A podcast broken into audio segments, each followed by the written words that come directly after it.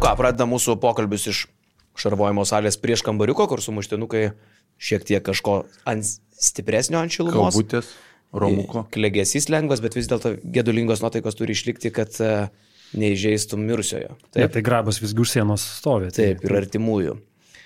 Um, aš gal laidą norėčiau nuo linksmėsnės natos pradėti, krepšinio žinias LT atsidariau, kažkaip netyčia man išmetė. Ir uh, antraštė, antraštė yra tokia, žalgris persigalvojo dėl papildymo. Žiūrėkit, kaip prašo. Čia iš tikrųjų, tai jeigu norit, va, ryto, ryto anegdotas, krepšinio žinios LT. Kauno Žalgerio komanda praėjusią savaitę pranešė, kad Bredi Menikas dėl dešinio kelio traumos be krepšinio praleis mėnesį, bla bla bla. Jau rašėme, kad Žalgeris neplanuoja ieškoti pamainos traumuotėm žaidėjams, tačiau gali persigalvoti. Gali persigalvoti. Krepšinio žinios žiniomis, Žalgeris artimiausiu metu tikisi išbandyti naujoką Samnerį, o nuo to priklausys, kokio tipo žaidėjas papildys LKL gretas. Naujoko gali ir nebūti, bet gali ir būti. o pažiūrėk, kiek procentų, kad pangusas atvažiuos. Kiek? Dėlioja ten procentus, ten 60 prieš 40 ir panašiai. Bet šiaip gerai trolina žmonės. Įtikėtina, ne. Nu ką, paverkėt vakar, prisikakojate. Lemma, šiaip gal ir Žalgiris vakar trolino visus, aš nežinau. Mhm. Kažkokia.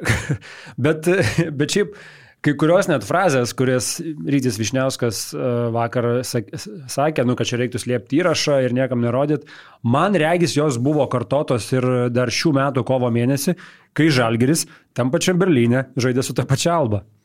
Buvau aš pernai Berlyne kaip tik tam čia ir galvojau, nu tikrai prastesnio mačo negali būti, bet nu vakar šimtų procentų prasčiausias komentuotas mačas kada nors ever. Gal ir šimtų procentų prasčiausiai komentuotas, jau žinok mane patį vimdė nuo, nuo ja. to jūsų jo kiek galima, kaip... Bet toks vaizdas, tai jau. Nu, ką? bet jau, žinai, jau, jau tą druską barstyti, jau ir taip nervuojasi. Ir dar tau 10-15 kartų kartoja, kad čia rytis to apsivems. Jau aš vos neapsivėmiau pat pats nuo šito. Įsijungus Eurolygos TV šiandien kažkiek atgaiva tikrai, žinau, buvo. Vakar aš sakiau, aš užmigau tris kartus per rungtynės kaip senas žmogus. Bet, bet šiandien žiūrint Eurolygos TV, nu kažkaip jie, kai nešališkai komentuoja, žinai, jų yra lengviau klausyti, nei kad va, šališkas tokias rungtynės komentuoti. Bet tu neapsimetinėsi, kai tu matai tokį vaizdą. Ne, ne, nemalonu, bet vis tiek kažkiek tas komentatorius turi pridėti džiugesio gyvenime, žinai. Aš norėčiau baigiau, baigiau apsivemtoj toje transliacijoje. Labai kažkaip, nu, nuteikinėjo, nuteikinėjo dar liūdniau ir dar blogiau. Tokį pesimizmą varė. Nu, bet vakar ir liūdna buvo tikrai, tu pasižiūri tą sudėtį albos prieš rungtynės, nu ir galvoji, kokio lygio čia komanda. Ir realiai iš tų visų žaidėjų, kas žaidė, ant parketų iš Albos, tai vienintelis turbūt Timonas kažkur rastų kitam klube Eurolygos darbą. Tai kai sužinojai, kad nežais Olindė, neloš Metas Tomasas, neloš Sterlingas Braunas, nu, tai čia automatiškai didėsi tašką į galvą. Man patiko Petkaus komentaras mūsų grupiai, draftų. Mm. Petkus, kai pamatė Albos starto penketą ekrane, sako, va dabar galit be pavardžių ir be numerių pasakyti, išvardinti Albos starto penketą. Vetselis kažkuris turi būti. kažkuris čiųjų pročyda turėtų būti. Pročyda buvo starto penkis. Bet gal ir ne, žinai, nu. Nebuvo, staras nebuvo. Tai va tokia, tokia alba šiandien diena yra, be Tomaso Olindės, Sterlingo Brauno ir Žyga Samaro, kad ir kaip jisai atrodo. Irgi nežinau, šiaip, kaip atrodo Samaras. Su visa pagarba Maskvos srities Himki, bet čia buvo blogiausia moderniosios Eurolygos komanda vakar išbėgusi į aikštelę, įmant e, į galvą tai, kad va, jie neturėjo tiek daug traumuotų žaidėjų. Jie jau ir taip viena blogiausių, bet neturint šitų žaidėjų, tai buvo blogiausia modernios Eurolygos komanda be konkurencijos. Ta prasme, Eurolygos ta, opava. Ta Himki, kuri baigė sezoną ten kiek su keturiom pergalėm prieš e, trejus metus, jinai vis tiek turėjo, turėjo tą patį švedą, kuris, kuris lakstė nemažai rungtynių, turėjo Jordaną Mikį, turėjo galų galę Sergejų Monę, Uh, turėjo galų galę Vičeslavą Zaicevą, turėjo jie tų žaidėjų. Turėjo ir Janis Tima kažkur ten išlaistyti. Janis pusgirtis. Tima, pusgirtis jo. Erikas Makalomas, vėlgi, žinai. Tai čia ta, ta alba su šita sudėtim be konkurencijos. Blogiausia. Nepatektų į Eurocapo playoffs, manau, ta, kuri vakar sudėtis žaidė. Tai ta komanda vieną pergalę ir dešimt pralaimėjimų turėjo, bet ta Alba su Sterlingu Braunu Taip. ir Olindė dar, ir, ir Metu Tomasu. Tomasu. O vakar mes žaidėm prieš Albą be šitų trijų pagrindinių jų žaidėjų, brangiausių jų žaidėjų turbūt, nu bet įmano. Jo, ir toks pirmas minutės kažkaip ramios atrodė, kad čia laukia ilgas vakaras Albai, 24 plus 16, atrodo viskas gerai, Žalgeris. Nuskamba jūsų frazė, kad čia net ne Eurolygos rungtynės? Taip, taip. Ne, tiksliau Eurolygos rungtynės, kuriuose tik yra viena Eurolygos komanda. Taip. Ir tas, sakau, yra baisu prisišnekėti. Jo, vat, vat, kai tu tą frazę pasakė, čia yra baisu prisišnekėti, man toksai perėjo, žinai. Ir buvo, buvo tas prisišnekėjimas, tai atrodė, kad Žalgeris vėl komanda stovi ant vėžių, laimėta pergalė Milane, gera pergalė, emocijos geros panevežėje ir tos pirmos penkios minutės atrodo vėl Žalgeris, senas geras Žalgeris praeito sezono. Ir tada kažkas prasideda, nesuvokiami dalykai. Tada senas geras žalgeris šio sezono ateina. Jau čia naujas senas žalgeris tada jo ateina ir tos klaidos, ta prasme, nu, tu net žiūri į skaičius ir nesuvoki, kaip taip manoma, nes realiai 11 klaidų žalgeris padarė daugiau, 10 kamolių Alba atkovojo daugiau, tai reiškia 21 metimų turėjo Alba daugiau, tai galbūt ir desninga, kad pralašėm pagal tos skaičius žiūrint, bet kaip tos klaidos buvo padaromos, tai man sunku suvokti. Aš, to, aš tuo žalgerio nekaltinu, tikrai ne, bet aš įsivaizduoju, jeigu komanda norėtų pralaimėti, būtų pastačius, tai vadinai žaistų taip, kaip žaidė vakar Žalgiris. Nieku gyvų nesakau, kad Žalgiris buvo tą padaręs. Na, aš tai kaltinčiau to Žalgirį. Bet iš, iš, esmės, iš esmės... Bus padėję tikrai. Septynios... Ne, aš, aš, tai, aš tai atsakingai pareiškiu, aš garantuoju, kad Kazys buvo pastatęs pinigų. Septynios klaidos e, perdodant kamuolį, septynios penkios klaidos, kai tau tiesiog kamuolį iškrapšto, trys klaidos užlipant ant šoninės arba galinės linijos, apie ką mes šnekam, trys žingsniai, apie ką mes šnekam. Ta prasme, tai yra tokie skaičiai tokių klaidų. O nenori šiaip jau Davido Gedraičio atsiprašyti vieną kartą gyvenime už tai, kad tu jį nuteisi ir pasakai, kad jis nebus krepšininkas niekada. Vėlgi, uh, jeigu, atsiprašyk, jeigu Davidas žmogus. Gedraitis yra tavo komandos geriausias žaidėjas, žaidžiant su blogiausia visų laikų modernios Eurolygos komanda, kuo tada visas žalgeris vertas? Ką tada visi likę vyrukai, visi 10-11 likusių vyrukų turėtų galvoti apie save? Reikia pripažinti, kad nemažai tų vyrukų ir nėra. Nei Butkės, nei Meneko, kurie turėjo tarsi būti geriausi mūsų, ne? Nei... Čia negalima apie tokius žaidėjus kalbėti, kitus žaidėjus su, šitu, šitu, su šitą avariją. Tiesiog negalima. Ne, ne, nei, nei to paties Samnerio dar realiai nėra. Nėra, žinai. taip. Tai Tai ne tik tai Davidas, tai ir Danielius Lavrinovičius, vienas iš, iš geresnių mūsų žaidėjų buvo, kelintas pagal rezultatyvumą, koks ketvirtas, penktas turbūt. Tu trajakusime, bet žinai, kaip tavo trys geriausi žaidėjai e, - Gedraitis, Lavrinovičius ir Tomas Dimša, kuris šiemet gerai žaidžia, bet kas buvo pernai Tomas Dimša. Nu, tai, nu... Ir Tomas žaidžia su petimi, tai... kuriam reikia operacijos, jis pats tą pasakė. Nu, sako, anksčiau ar vėliau reikės čia remontuotis, nieko, nieko nebus. žaidžia žmogus, vienas geresnių žaidėjų užteliai. Wow. Tai va, nu, bet tai gal tai tavo atsakymas, kad tokia dabar situacija, tokia ta sudėtis yra, jeigu nefunkcionuoja Kinanas Evansas, e, jeigu dar Rolandų išmetų ne pats geriausias vakaras, jeigu Edgaras Ulanovas grybauja, Tai tada... Tai tu vis tiek turi nugalėti šitą albą. Turi, bet tada, tada jau tave tempė Davidas Gedraitis, tai dar ačiū Dievui, kad jis yra. Prisiminkim, koks buvo Davido Gedraičio pirmas kelinys, nes jis realiai ir sukūrė visą tą pranašumą 24. Ir prisiminkim, kad Davidas Gedraitis buvo tas bičias, kuris likus pusantros minutės pataikė tritaškį, persverusi rezultatą ir vėl žalgyrį pastumus į priekį ir atrodė, kad nu dabar jau laimėsim. Reiškia, ir pradžioj, ir gale Davidas Gedraitis buvo mūsų patikimiausias žmogus. Tai va, aš tai tavęs ir norėjau paklausti, ar jau dabar tiki, kad tai yra žmogus, kuriuo, ne, kuris yra žalgerio ateitis. Ne, ne, dar vis ne, nes žaidėm su Alba. Bet su Lietkaviliu jis irgi tempė žalgerį. Tai labai gerai, palaukiam daugiau. Gerai, aš, aš, esu, aš tau dar jį atnešiu ant, ant stalo, gerai? Aš esu uh, reikli ponė. Ai tu. Taip. Tai va, žmonės reikalauja kraujo. E, vakar buvo daug prirašyta, asmeniškai vėl į mano irgi žinutę pasipylė klausimai, ką dabar apie Ulę pasakysi, man visą laiką norisi atsakyti, bet aš tiesiog tingiu ir plus neturiu asistentės. ir čia, žinai, ir čia dabar įnešam būgnus, nes visi dabar laukia, nu ką dabar jie pasakys, negi jie vėl gins Solanovą. Ir mes čia pagalbame apie partnerį, apie savo partnerį, kuris, kuris, uh, tararam, kuris užtikrina, kad jūs čia galite mūsų klausyti, nes šiaip ir taip, taip jau, taip jau yra, žinokit, kad mes čia kalbam ne, ne dėl to, kad mums šiaip labai fainai pakalbėti, kas mums yra, Bet mes šiaip mėgstam ir mėnesio pradžio atlyginimą gauti šiaip jau. Visi, o jį mums moka vienas iš darbdavių telija?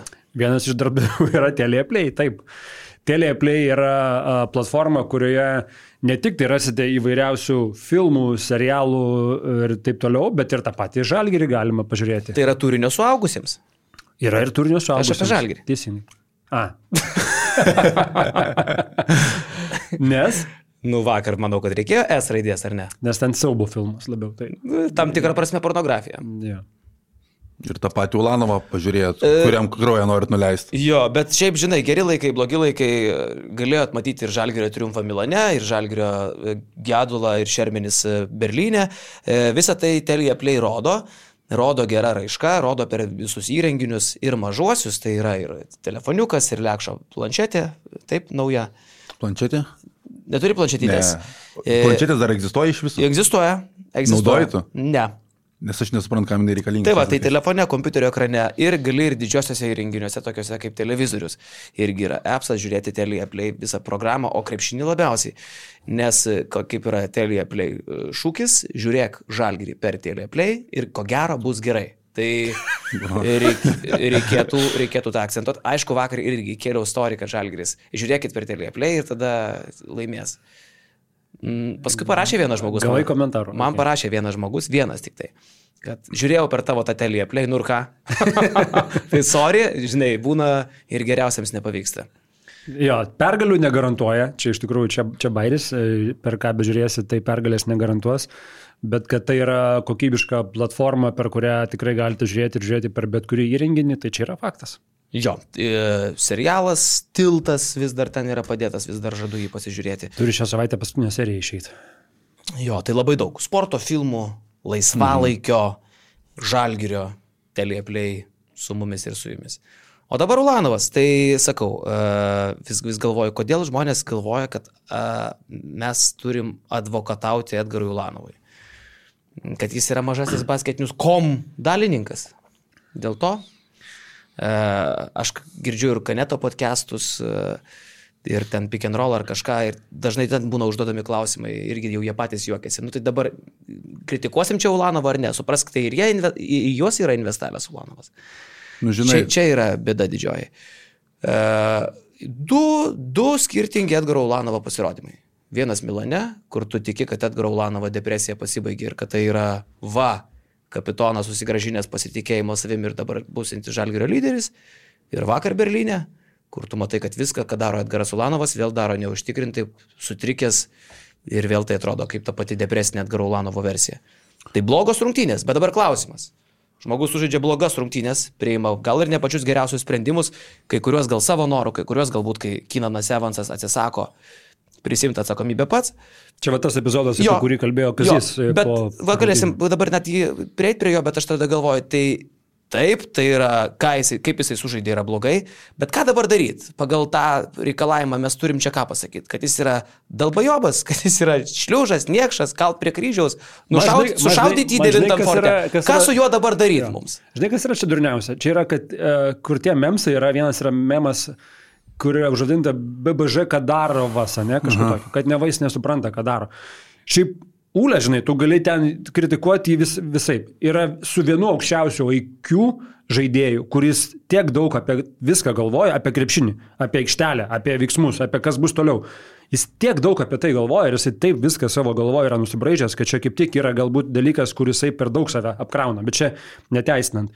Tai vien tas BBŽ Kadarovas čia yra žiauriai pro šoną, jis neapibūdina Ulanovą. Ulanovą tu gali, žinai, nemėgti, kad jis ten klaidėtis, ne, būdavo kalnėtis, klaidėtis. Čia irgi, žinai, būdavo labai, okei, okay, dabar tu gali Ulanovai klaidėti uždėtą, ne, nes vakar ten jisai kamuolį prarado. Ar ten gali jį keikti, kad tas jo metimas baisi meškerė, ar patranka, ar žinai. Bet kad jis nėra BBŽ Kadarovas, tai čia yra faktas pats aiškiausias, nes niekas nepasakys, nei treneriai, nei žaidėjai, kad Ūlė nesupranta, ką daro. aikštelėje. Pažiūrėk, kad Darovas skamba kaip Čečenijos lyderiai. nu, buvo vienas momentas, kur atrodė, kad Babužė Kadarovas, kai tą kamolį tarsi pasavo, tarsi bandė nusimest pačiam pačiam gale. Tai ar jam išmušė tą kamolį, kai jis lik ir Evanso ieškojo ant kem penkių laipsnių kampo? Tai, tai ten buvo klaida, jo, ten buvo klaida. Tai ten toks buvo, kaip Babužė Kadarovo pojūtis tuo metu. Galėjau. E, Ir dabar kaip tik Lekas mums, mus jungia su, su Berlynu, taip, tiesioginis Ne, tai čia įrašas. įrašas. Apie šitą mes dar vėliau pakalbėsim apie video turbūt labiau. A, Čia yra ataka, kai Kazys sakė, kad vienas iš lyderių neprisijėmė kamulio. Tai čia vat matom, kaip Evansas čia nepasijėmė kamulio, okei, okay, bet nekarta buvo situacijų, kad kamulį persivaro kažkuris kitas žaidėjas ir Evansas paskui pasiema. Taip, viena paskutinių žalgių kaip atakų. čia vat nepasiema Evansas kamulio. Čia tarsi ir Ulanovas kvietė Evansą pasimti iš, iš rankų rankas kamuolį, ne? Ir čia tada ta Ulanovo klaida. Va čia tas Babužė Kur Čia, čia BBŽ gal čia ir klaida buvo, pražanga buvo, ne? Nu, aš žiūrėjau tą epizodą dar čia keletą kartų, sunku pasakyti, ar ten kepštelėjo ar nekepštelėjo, kaip ir pasas, kaip ir nusimetė, kaip ir pametė, velė supra, Bet suprasi. kodėl ten Evansas nepasėmė kamulio, ne? Jeigu tarsi toks planas ir turėjo būti. Šiaip, e, tai paskui Kazys apie tai kalbėjo. Šiaip Kaz- Kazio pa- patikėtinis numeris vienas aikštelė yra Edgaras Ulanovas. Aš tą, tą Milanę irgi labai aiškiai pajaučiau, kai e, tu matai kiekvieną kartą po minutės per traukėlės būtent su Ulanovu dar Kazys persikalba. E, Būtent su Ulanovu dar jau aikštelėje mes ant dar susigestikuliuoja, ką dabar darysim ir tarsi, nors Evansas teoriškai yra įžaidėjas, bet praktiškai Ule yra žalgerio atako organizatorius. Ir tarkim šitose rungtynėse, tai paskutinės penkias minutės, jeigu atkreipė dėmesį, beveik kiekvieną žalgerio ataką inicijuodavo ir pradėdavo Edgaras Ulanovas. Tai tas pats Gedračio trajekas yra po Ulanovo prasiveržimo ir perdavimo. Tai čia, čia yra Kazio sprendimas. Kazys, dabar- Kazys taip mato žalgerį. Šiaip dabar šitą pabaigą žiūrint, kažkiek skirtingos tos klaidos, bet e, primena tą Lietuvos pabaigą su Makedonija. E, Klaida perduant kamolį, Vulė kitoje pusėje, kai prarado tą kamolį, bet tas tritaškis labai panašus irgi, neišsirinkus savo žmonių, ten visiškai nesuvaikšto tą gynybą. Bet šiaip, nu tai Ulanovas pasėmė tos kamolius, nes, nu, reikia pasakyti, okei, okay, Ulanovas žaidė prastai, prasti buvo jo ir sprendimai pabaigoje. Man tie išsikeitimai prieš Tymoną ir metimai tritaškio, kas tikrai nėra Ulė stiprioji pusė, nepatinka iš sprendimo pusės, bet, nu, kito varianto nebuvo, kai tu matai tokį Kiną Evansą vaikštantį, kuris atrodo irgi vėl su vienu Achilų galaksija, nes kaip jisai vakar rodė savo pastangas prisiminėti kamolius, tai čia buvo didžioji turbūt žalgerio problema. Aišku, negali. Kodėl sakai, nebuvo kito varianto? Tomas Dimša, jisgi yra įža- įžaidėjas iš esmės, jis atakuojantis gynėjas arba iš bėdos įžaidėjas. Jo, bet gal tu nežinai ir tos, žinai, sveikatos problemos. būtent, tai nebent yra, yra tai, ko mes nežinom. Taip, taip, tai sakau. Čia kartais labai rizikinga daug, daug kalbėti, kai tu nežinai situaciją, žinai, kaip vėliau paaiškėjo apie, apie būtkę, kad žaidė visą laiką su skausmu, o mes aiškinamės, kodėl jis nepašoko taip, kaip pernai pašokdavo, o tu apie tai kalbėjai per Kioniai podcastą paskutinį. Jo, tai sakau, dėl- ant tėvos, ant tėvos nenori visko sukarti, tu, žinai, tiems lyderiams per sezoną būna keli vakarai, kuomet e, neišeina ir Šalgerio didžioji turbūt problema yra, kad jie yra taip stipriai priklausomi nuo vieno žaidėjo, kuomet Evanso tas mygtukas neįsijungia po pertraukos. Mes esame įpratę, kad Evansas pirmoji pusėje žaidžia tokiu lengvesniu režimu ir po pertraukos imasi iniciatyvos ant savęs, vakar to nebuvo ir matome, tas Žalgeris ir buvo visas rungtynės toksai stabiliai prastas. Tai, o apie Edgarą Olanovą tai turbūt, e, kad ir ką mes čia besakytume, kad ir e, kažkiek bandytume logiškai paaiškinti, kodėl vienose situacijose buvo taip ir ne kitaip, tai bet kokiu atveju Ulanovas bus kaltas, nes turbūt Lietuvoje du žmonės yra Landsbergis po nepriklausomybės atkūrimo ir Edgaras Ulanovas dabar. Nu, galima Žinai- įsivaizduoti, kiek Ulanovas būtų buvęs išteisintas, jeigu jis būtų pataikęs tą paskutinį metimą. Ulanovas yra, sakyčiau, vat, šių laikų uh, tas atpirkimo žys, bet tokių atpirkimo žių, tokie seniai kaip aš, prisimintų ne vieną. Darius Maskaliūnas buvo tas, kuris vienu metu irgi buvo, čia net Kaunė ant sienos buvo užrašas Maskaliūnas tautos gėda. Toksai buvo. Tada buvo be abejo Gedrius Gustas po Tel Avivo, kur apie Gedrių Gustą buvo tiek visko pridaryta ir tiek prikalbėta ir net realiai turbūt kažkokiem pavojaus gyvybei tuo metu buvo. Ir reikia priminti, kad tai tuo metu taip suėdė Gedriaus Gusto psich psichologinę sveikatą, kad jisai taip ir nebeatsigavo. Buvo kylantis krepšininkas ir nuo to sezono jo karjera ėjo down. Žmonės tiesiog paėmė ir sutripė jį. Tada galima siminti tą patį Mantą Kalnėtį Žalgirį, kuris būdavo klaidėtis, kuris atvažiuoja paskui rinktiniai, rinktiniai, žinai, jisai pakyla į kitą lygį, laimi medalius ir atleidžia žmonės, bet Žalgiris jisai būdavo klaidėtis, kuris irgi kalčiausias dėl visų Žalgirio nesėkmių. Tai čia tokie etapai, bangelės. Landsbergis yra nekenčiamas stabiliai 30 metų, o čia, žinai, tu vis atrandi kažką, kažką naujai. Tai dabar atradė, atradė yra žmonės šitą žmogų. tai, tai, kad Ulė imasi tos atsakomybės, ne, tais momentais, čia nėra Ulė sprendimas, tai yra Kazijos sprendimas pirmiausiai. Tai dabar Aš klausimas. galvoju, ir Ulės, nes jisai, jisai matydamas situaciją, galbūt mato, ne, kad Evansas šiandien nepažaidžia, nes jisai realiai nepažaidė. Vakar, ką darė Evansas, atsišniuravimas baisus. Nu, bet, bet, bais- bet, trenerio žinios tu nepasimsi kamulio ir nedarysi, ne? jeigu treneris sakys, kad, ei, ką tu čia darai, Bet jeigu treneris yra toks liberalus kaip Kazys, tai darysi. Nu, sunku pasakyti. Aš, aš spėčiau, kad vis tiek tai yra, tai yra trenerio sumanimas, kad tuo metu, kada klaidos, kada Evansas nefunkcionuoja, kad kamuolį pasiema Ūlė ir visą, beveik visą ketvirtą kelnį vadovauja komandos polimui Ūlė kaip įžaidėjas, aš manau, kad tai yra trenerio sprendimas. Bet galima suprasti iš dalies ir Kazį, kodėl jisai pasitikė Ulanovu tokiais momentais. A. Ūlė ką tik turėjo geras rungtynės Milane. Tai tas tikėjimas, kad tu atsineši tą patį gerą nusiteikimą, gerą, gerą savijautą, turbūt yra visai logiškai paaiškinamas.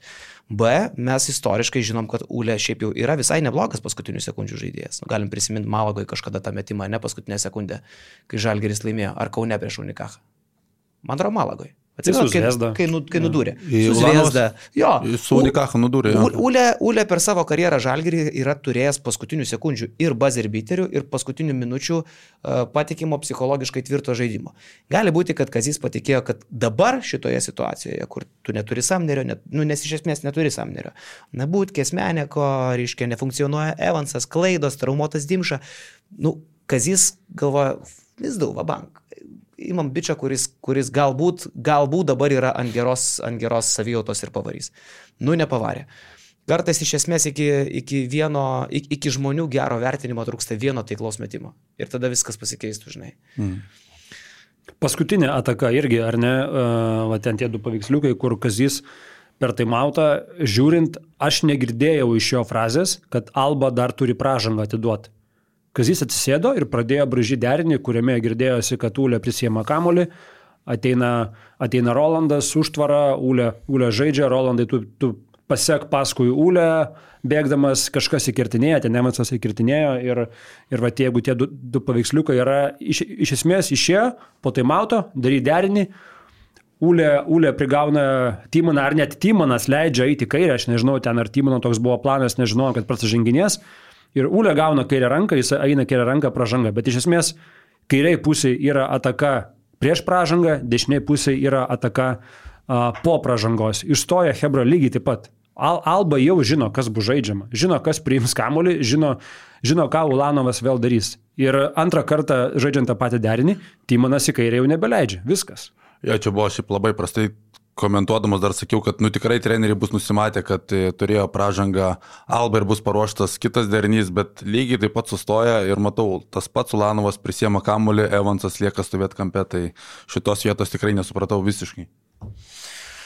Gal čia ir Kazys pabraižė tą derinį tokį, kad Evansas neprisimtų kamulio, nes prieš tai Evansas atsisakė tą kamulį prisimti. Ne, tai tu gali nubražyti, ką nori, bet tada tu turėk Du planą, planus turi, planą nes tu kai vieną pražangą turi varžovai, tu visą laiką nusimatai, tu žinai, kad pradžiai prieš tai prasiženginės, kad ir ką tu bedarysi, bet tu jau pradžiai sustoji ir atskleidai, ką tu rašiais paskutinį atakai daryti.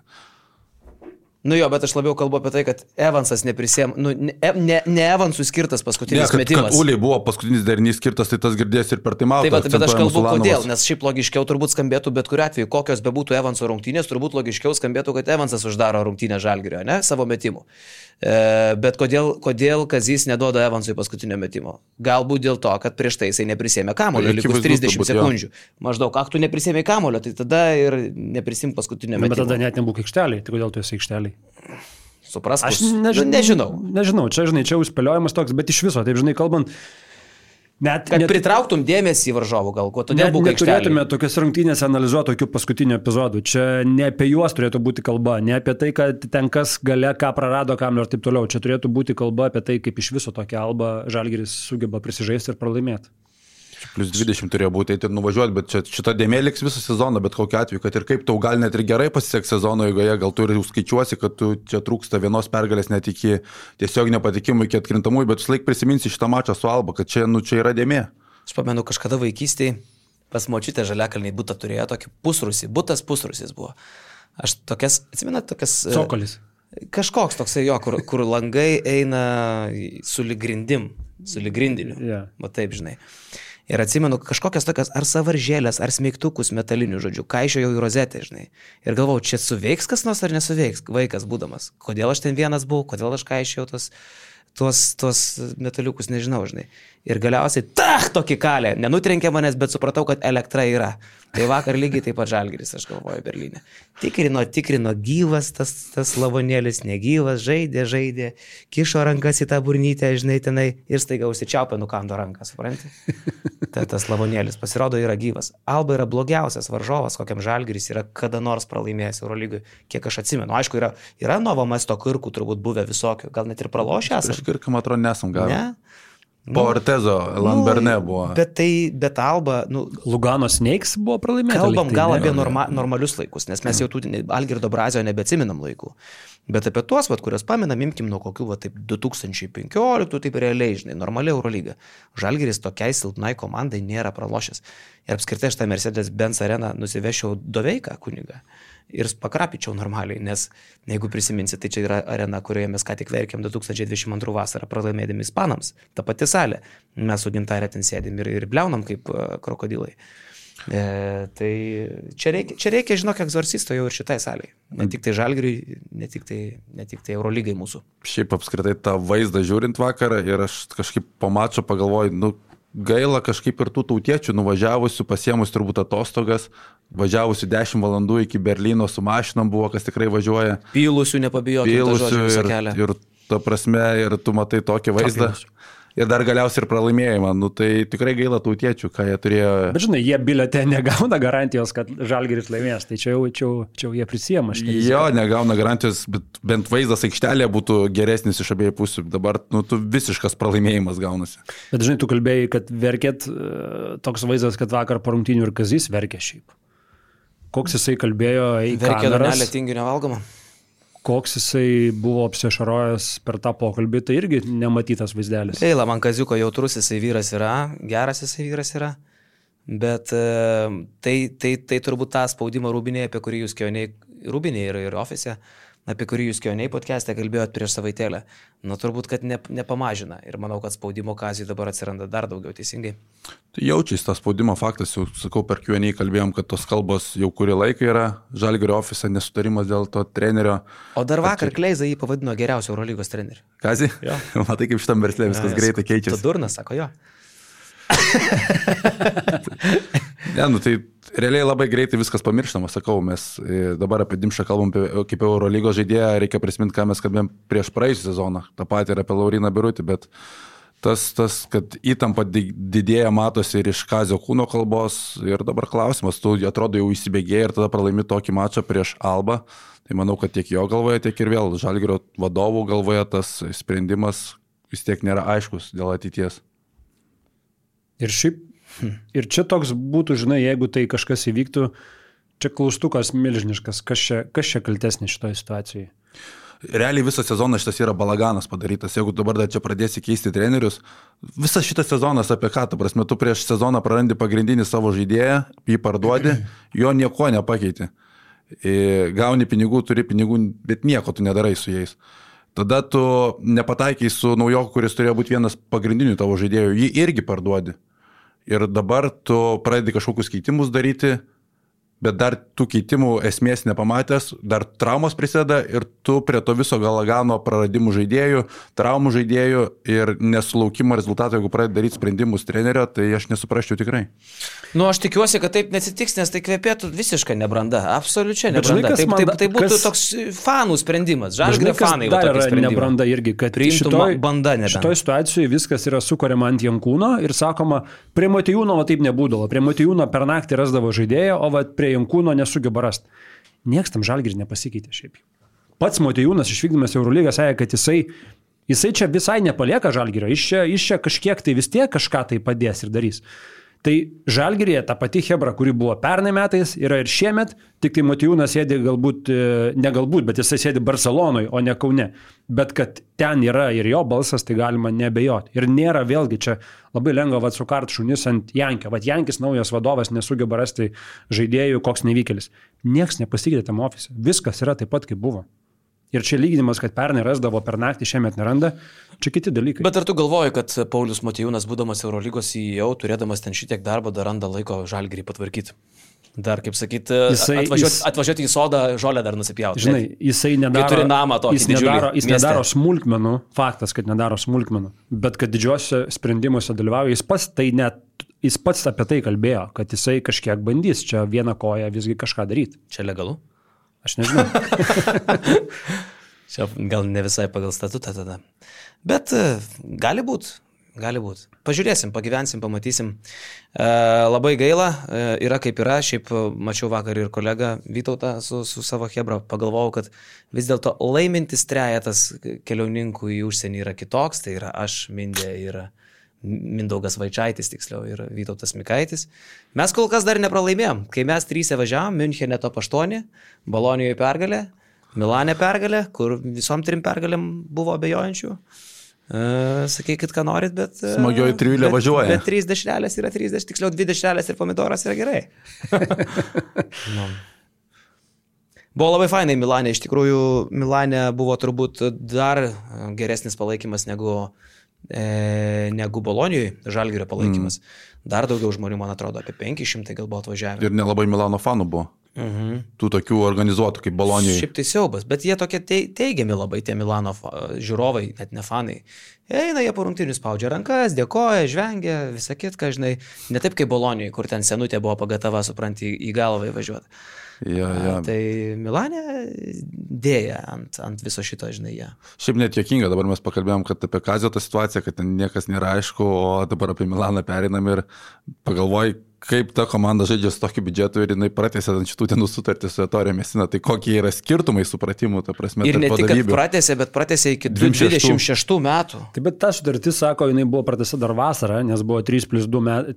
3 plus 2 kontraktas, tai dar sako, dar vasarą tyliai ramiai tas plus 2 buvo aktyvuotas ir tiesiog jie nepranešė ir sako, kad praneš kažkada. Ir jie pasirinko dabar tą laiką pranešti, kada garsiausiai kalbos eina apie atleidimą, nusprendė, kad būtent dabar geriausias laikas apie tai pranešti. Žinai, ką, ką man primena Torė Mesina? Man, man jisai primena tą, tą lietuvę, kuri nuvažiuodavo į Vokietiją prižiūrėti senelių kažkokių, kurie turi didelį namą, yra turtingi.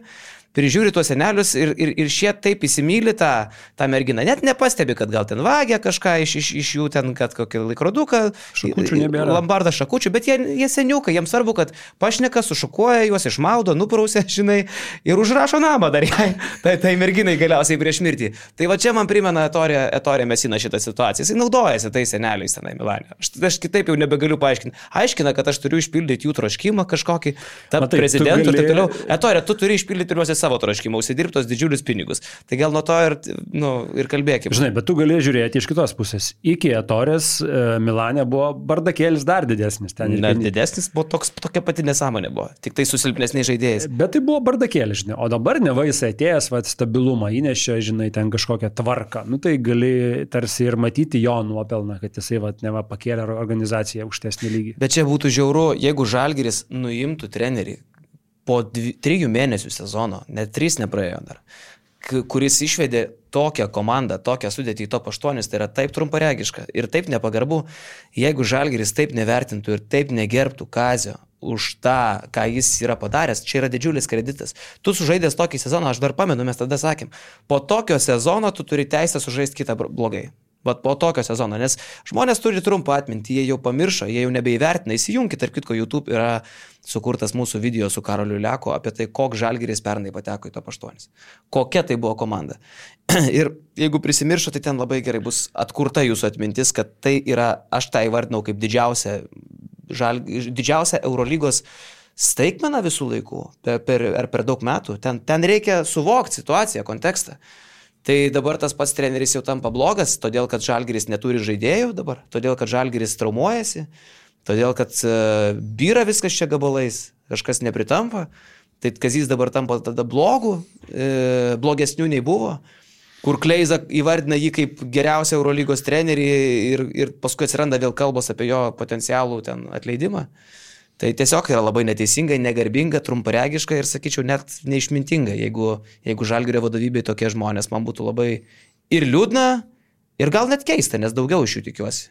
O, Keista. o, ne, o ne kliksmo tokio. Bet sakau, nu, aš noriu tikėti, kad taip neįveiks, nu, kažkiek reikia vertinti ir tą bendrą, nu, ką tu matėjai per tuos pusantrų metų realiai su Kaziu, tai jeigu tu čia po kelių mačų pradedi vertinti, net neturėdamas pilno vaizdo, sakau, komandos, nu, kaip ta, komanda apskritai yra sukomplektuota, dabar praradus tos savo kertinius žaidėjus ir dar naujokų neįsivažiavus, nu, tu tiesiog negali vertinti, kaip ta komanda funkcionuoja prie Kazio šį sezoną, nes tos komandos dar net nebuvo kartu normaliai. Ulanovas yra geriausiai kūrintis žalgerio žaidėjas. Tai irgi šitą sako apie žalgerio visą Čia komplektaciją. pagal kokį rodiklį?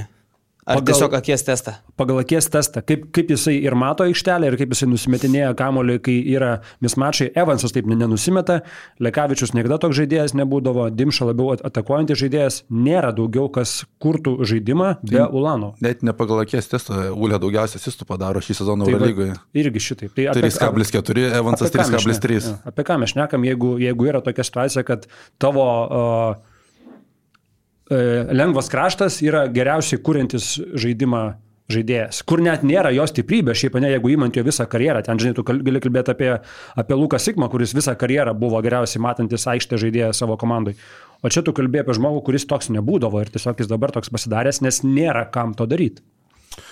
Jo, ką, apie žalgerį gal užtenka. Užtenka, eisim, jo, čia- Eisim prie Eurolygos, vakar buvo gerų mačų, pavyko pažiūrėti pabaigas šiandien iš ryto, tai, tai prie to bus galima pereiti.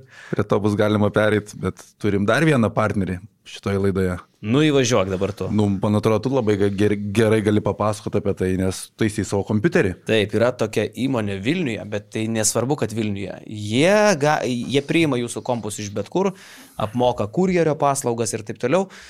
Ir ta įmonė vadinasi Termopasta. Aš su jais susidūriau asmeniškai, jie dideli basket news fanai.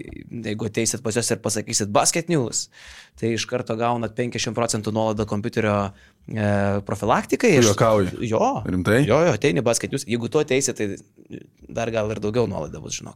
Geras. Palauk, aš atsidarysiu truputį Basket news. kaip tiksliai jie suformulavo tą vat, nuolaidą. 50 procentų tu gauni aušinimo sistemos profilaktikai. Kaista kompas. Mano naujas, tai dar, žinok, nesiskundžiu. Nu, šituo. bet paskui, žinai. Ateina su, Jo, jo. su laiku. Ateina. Tai vad, aušinimo sistemos profilaktikai, kad ne, ne, ne, ne, ne, ne, neveiktų garsiai tas kompas, kad, žodžiu, nekaistų viskas. 50 procentų su basket news. Į Instagramą parašykit termopastai, Instagrame basket news ir gaunat 5 procentų. Šiaip tai e, nemokama kurjerio paslauga visoje Lietuvoje, nemokama kompiuterių gedimų diagnostika. Vat, pavyzdžiui, atsinešat kompą ir sakot, man kažkas čia neveikia. Ir jie pa, išsiaiškina, kas diagnozuoja lygą kompiuterio ir tau už tai mokėti nereikia. Bet būtinai tokį toną turi pasakyti, ne? Jo, jo. Man čia kažkas. Man čia kažkas. Tai kompiuterių remonto paslaugos, aš turėjau bėdą, man Lukošius Mindaugas per Homičiaus gimtadienį apipylė vynų kompą. Kodėl tu nešiesi kompą į gimtadienį pa žmogų? E, nes karaoke leidau. Okay. Nu. Ir supranti, ir sakau, Mindaugai, net ir jau viskas, jau vynas e, bėga, žinai. Varva. Aš, jo, ir aš pakeliu tą kompą ir... Matai, žinai, iš klaviatūros eina, eina, eina raudonas skystis. Aišku, iš karto išjungti, ten kažką džiovint, valdas nunešė, padėjo tūlikė ant e, šildomų grindų, e, išdžiuvo, e, galvoju, veiks ar neveiks. O svarbiausia, buvau pakeitęs kompą, nes prieš mėnesį tą senąjį apipyliau kavą visą. Taip, aš atsimenu, kad tu, aš galvoju, čia ta pati istorija ir dar buvo ir kava. Tai kava buvo prieš tai. Prieš tai. Tada Jonas nupirko kitą kompą, nes tam jau viskas. Ir šitą apipilo Lukošius. Ir e, ten, aišku, sudžiuvo, sulipo viskas, kaip ir veikė tas kompas, bet staiga pradėjo dinginėti apšvietimas klaviatūros. Pala, o, o dar Lukošius čia tas, kur Eurovizijai šoko tą. Ne, čia tas, kur Bahreinė dirbo. Nu, ir supranti, ir galvoju, ką dabar daryti reikės, jeigu iš čia man kurie diena suges. Ir atsiranda termopasta, žinai, nuvežu tvarkoj. Tai jie išlupo visą klaviatūrą, sudėjo man naujai, per pusantros valandos nuvežiau ir pasėmiau kompą. Per pusantros valandos. Viskas čia kipiki, visi mygtukai, viskas šviečia, viskas veikia, žinai. Tai žiauriai didelis greitis, maladėts, Hebra dirba, geras aptarnavimas, gali ir paremontuoti kompiukus, gali ir diagnostiką padaryti, gali ir programiškai pareguliuoti, gali ir paspartinti, pabūstinti kompus, labai ten turi gerus profus tam klausimui. Žodžiu, kiek turiu vat, dabar pažįstamų, ar ten, man atrodo, tas pats Markas Žukauskas, jeigu neklystu, irgi mačiau Instagram'e nešasi tenai tvarkyti. Nu, žodžiu, vat, vis išgirstu, kad o termopasta, termopasta. Tai ir Kaune, ir Vilniuje, ir Klaipėdoje, kur be gyventumėt, kur yra paslaugos veikia, nusinčiant greitis geras, kainos geros, Hebra gera, man atrodo, kad nereikia nešti pas Algelį kažkur tai į uh, Petrašiūnus. raudonvarį, raudonvarį, raudonvarį, man atrodo, Algelis. Nei pas algelį, nei į turgelį. Jo. Tai aš veždavau pas Algelį, atsimenu. Tai ten, tai ta, tai ta, kažkas ten Windowsus man perinstaliuojo, kam tos Windowsus reikėdavo perinstaliuoti. Maką Windowsus kažkodėl sukiša. Jo, jo, Savo, a- savo kalbą šneka. Jo, nepatenkintas, čia va. Tai ką, basket news ir 50 procentų dar nuolaidą gauni. Taip, taip. Aušinimo sistemos profilaktikai Jo. su termopastos keitimu. Tai termopasta yra kas? Tai reiškia, čia kažkas, kas kompo viduje yra? Termo, aš ne, tai termopasta yra įmonės pavadinimas. Okay. Tai tiek, termopasta. Šiaip turbūt, turbūt išvada ir ta, kad uh, vynas geriau negu kava. Šiaip jau, jeigu jau taip jau kalbant apie techniką. Nu, taip, taip nesugedo, bet matai, su ta kava buvo, kad pilną kuprinę aš tos kavos pripyliau ir į tą puodą susidariusi, supranti, aš įdėjau, įdėjau kompą. Atsiprašau. Labai gaila buvo ten daug, daug visokių buvo svarbių dokumentų. Ką šiaip vakar penki mačiai Eurolygoje, iš penkių mačų du pratesimai ir didžiausias skirtumas tarp komandų septyni taškai, bet jie buvo per pratesimą iškovoti. Tai nu neįtikėtinas Eurolygos vakaras, viskas prasidėjo Stambule, kur Anadol FS sanitarinė irgi, jeigu mes kalbam apie Alba, tai Anadol FS, kas ten žaidė realiai Larkinas, Thompsonas ir tai Rikas Džonsas, tuos žaidėjus, kuriuos tu gali išskirti, visa kita dar prarado ma- mačo metu Ilmazą, bet vis tiek sugeba sugadinti Ergino Tamaną sugrįžimą namo. Taip pat aš galvoju, Panatinaikos irgi turėtų būti gėda, nes išėjo atsipūtę, atsipalaidavę, padėjęs kersą, o Anadolų, ko mes gal truputį neįvertinom prieš tas rungtynės, išėjo su energija. Su tai Riku Džonsu. Jo, ir vat, čia man priminė truputėlį Anadolų FS, nežinau, ar už tokią analogiją neturėčiau atsisėsti į kalėjimą, bet Virginijaus Šeškaus prienus. Kai amžinai trūksta žaidėjų, lieka 2-3, Ka- Kadžiulis, Juškevičius, bet ir Lukauskis, ir to užtenka, kad komanda laimėtų. Bet aš nesuprantu, šiaip Derisas Thompsonas atrodo. Nes mobilizuojasi Hebra. Tokioj komandai Derisas Thompsonas turėtų nutapti lyderiu, bet Thompsonas į dugną varė, kol tai Rikas Džonsas su Larkinu realiai dviese traukė tą komandą. Tai Tarikas Džiaunsas mūsų draftuose buvo mano savaitės rekomendacija, vakar turbūt savaitės MVP rungtynė sužaidė. Turbūt Realu. 30, 36 naudingumo balai, 14 atkot, kamuolių 6 iš jų polime. Taip. Kaip jisai šokinėjo ten šalia Lesoro, tai nu, buvo įspūdinga, bet Atrodė, kad jisai yra lesoras. jo. Aš vis tas rungtynės, aš, nes jas anksčiau rodė, tai jas beveik visas pasižiūrėjau. Bet dar viena įdomi tendencija Europoje prasidėjus, kurios, kurią man sunku suprasti, Anadolo FS paskutinį atakui neprasiženginėjo ir Mitoglų gavo laisvas tritaškį išmest, kai galėjo pasiūsti prie būdų metimo linijos. Lygiai tas pats buvo tiek Münchenė, kuri bakai įsimetė trajeką, ir lygiai tas pats buvo Maiko Jameso crossoveris ir tas fantastiškas metimas. Visose situacijose buvo galima tiesiog prasižengti ir siūsti varžovus prie būdų metimo linijos ir ankstesniais metais tai tikrai treneriai dažniausiu atveju tai darydavo. Tai nežinau, kas čia pasikeitė ir kodėl tokie sprendimai primami. Tarp kitko, Maiko Jameso tas ten buvo side stebekas, ne? Jo. Tai žinai, kas jį dar gerai labai daro? Tu. Taip. Galim parodyti žiūrovams, yra kaip tik mano video iš, e, iš mūsų žurnalistų čempionato, kurį mes laimėjome. Jo, jo, side- sidestepus darė Ir, irgi. ir galim net sulyginti, kieno, nu, ten mano tiesa per apšilimą, čia žmogus ką mėgsti. pratesimą išplėšė Štark arenoje, supranti, prie 20 tūkstančių žiūrovų. Tu dar mėgsti ten nuo sienos užsimest tokį. Jo, pasidarbingoji, iš, išsimesi. Aš šiaip, aš turėdavau geresnį ir gražesnį metimą, bet man kelis suėjęs yra, aš- man skauda. Labai priklauso nuo negaliu kelio, taip, pritūpti. Negali pritūpti? Nu, nu, kai žaidė, man skauda, aš šitą kelią, aš kai šokau nuo laiptų, su Vytu vedėm renginį, šokau nuo laiptų ir viskas. Daktarai sako, neseperuot, kol dar painu. Tai va, uh, Maiko Jameso kiaušiniai yra Justino Dentmano dydžio. Justino Dentmano kiaušinių dydžio, tiksliau. Mm -hmm. ne, ne Justino Dentmano. Nes, e, wow, e, žmogus pataiko tritaškį vieną, po, po 10 sekundžių pataiko tritaškį kitą ir išplėšia pratesimą. Bet aš kaip supratau, Monakas turi daug priekaištų teisėjams dėl tos nesportinės Donatai Matijūnai. Tai Alfa Dialo parungtynių sako, neįmanoma laimėti žaidžiant 5 prieš 8. Peza kaip turi būti. Nu, šiaip mačius tą mačą, okei, okay, buvo ten tų epizodų, bet kad būtų viskas tendencinga, tai man atrodo daugiau emocijos. Čia Ten F- emocijų buvo daug, nes Džonas Braunas irgi įsidėjo istoriją, kad sako, kažkas turėtų ištirti tai, kas ką tik nutiko. Kas nutiko, pralaimėjot geresnei komandai. O Dimau įsikėlė istoriją, kur parašė šeim ir trys šauktukai, gėda, trys šauktukai. Nu, bu, būno klaidų į abi pusės, aš tas rungtynės žiūrėjau, bet, žinai, susitirštini tuo metu ant emocijų daug. Pažiūrėk, Kazys pasibaigus rungtynėms irgi bėga kažką dar aiškinti teisėjams, nors turbūt turėtų pirmiausiai išpažintėjai atlikti, o ne, o ne kažką teisėjams tai aiškinti. Nu ir būtent Monako pikta atvažiuos dabar į Kauną. To polisio vienodai komandoms ir šiaip kokybiško komanda yra Monakas e, dabar dar ant po pralaimėjimo, tai nu, turėtų išsileinėti prie žalgį ir tai bus labai sunku atlaikyti tą tokį spaudimą. Ne pats geriausias momentas žaisti. Ir žinai, kas yra dar kampas? Žalgeris neturi namų pranašumo jokio. Namų aikštelė jie turi, pranašumo jie neturi. Žalgeris žaidė keturis kartus namuose, mm. du kartus gavo iš kurlį, iš tų dviejų kartų vienas Asveliui, kitas Valencijai, tada išsigelbėjo prieš Zviesdą, kur ketvirtam kelnį devyniais taškais gavinėjo ir šiaip netaip vienu tašku, dėkui Dievui, kad nepataikė Bulmaro, nugalėjo Bayerną. Tai Žalgeris neturi namų pranašumo, jie turi namų aikštelę tiesiog. O, o Monakas neturi išvykos jokio absoliučiai sindromo, jok, jokių problemų žaisti išvykoje. Jie laimėjo tris kartus, vakar nedaug truko iki ketvirto, realiai ten pratesimas ir visai galėjo baigtis. Taip kad piktas Monakas. Monakas be jokių kompleksų išvykos. Ir Žalgiris, kuris dabar yra psichologiniai, vėl dobėjai, nes Albos pralaimėjimas tikrai, kad nepridės pasitikėjimo savim ir dar plus be jokio ypatingo gero žaidimo namuose. Tai tikėtis sėkmės penktadienį yra labai sunku, jeigu Žalgiriui pavyktų mobilizuotis ir nugalėti Monaką, tai manau, kad tai, tai, tai gal ir Kazį išgelbėtų tam tikrą prasme. Manau, kad tai gal priverstų ir pamiršti šiek tiek tą Albos, Albos pralaimėjimą.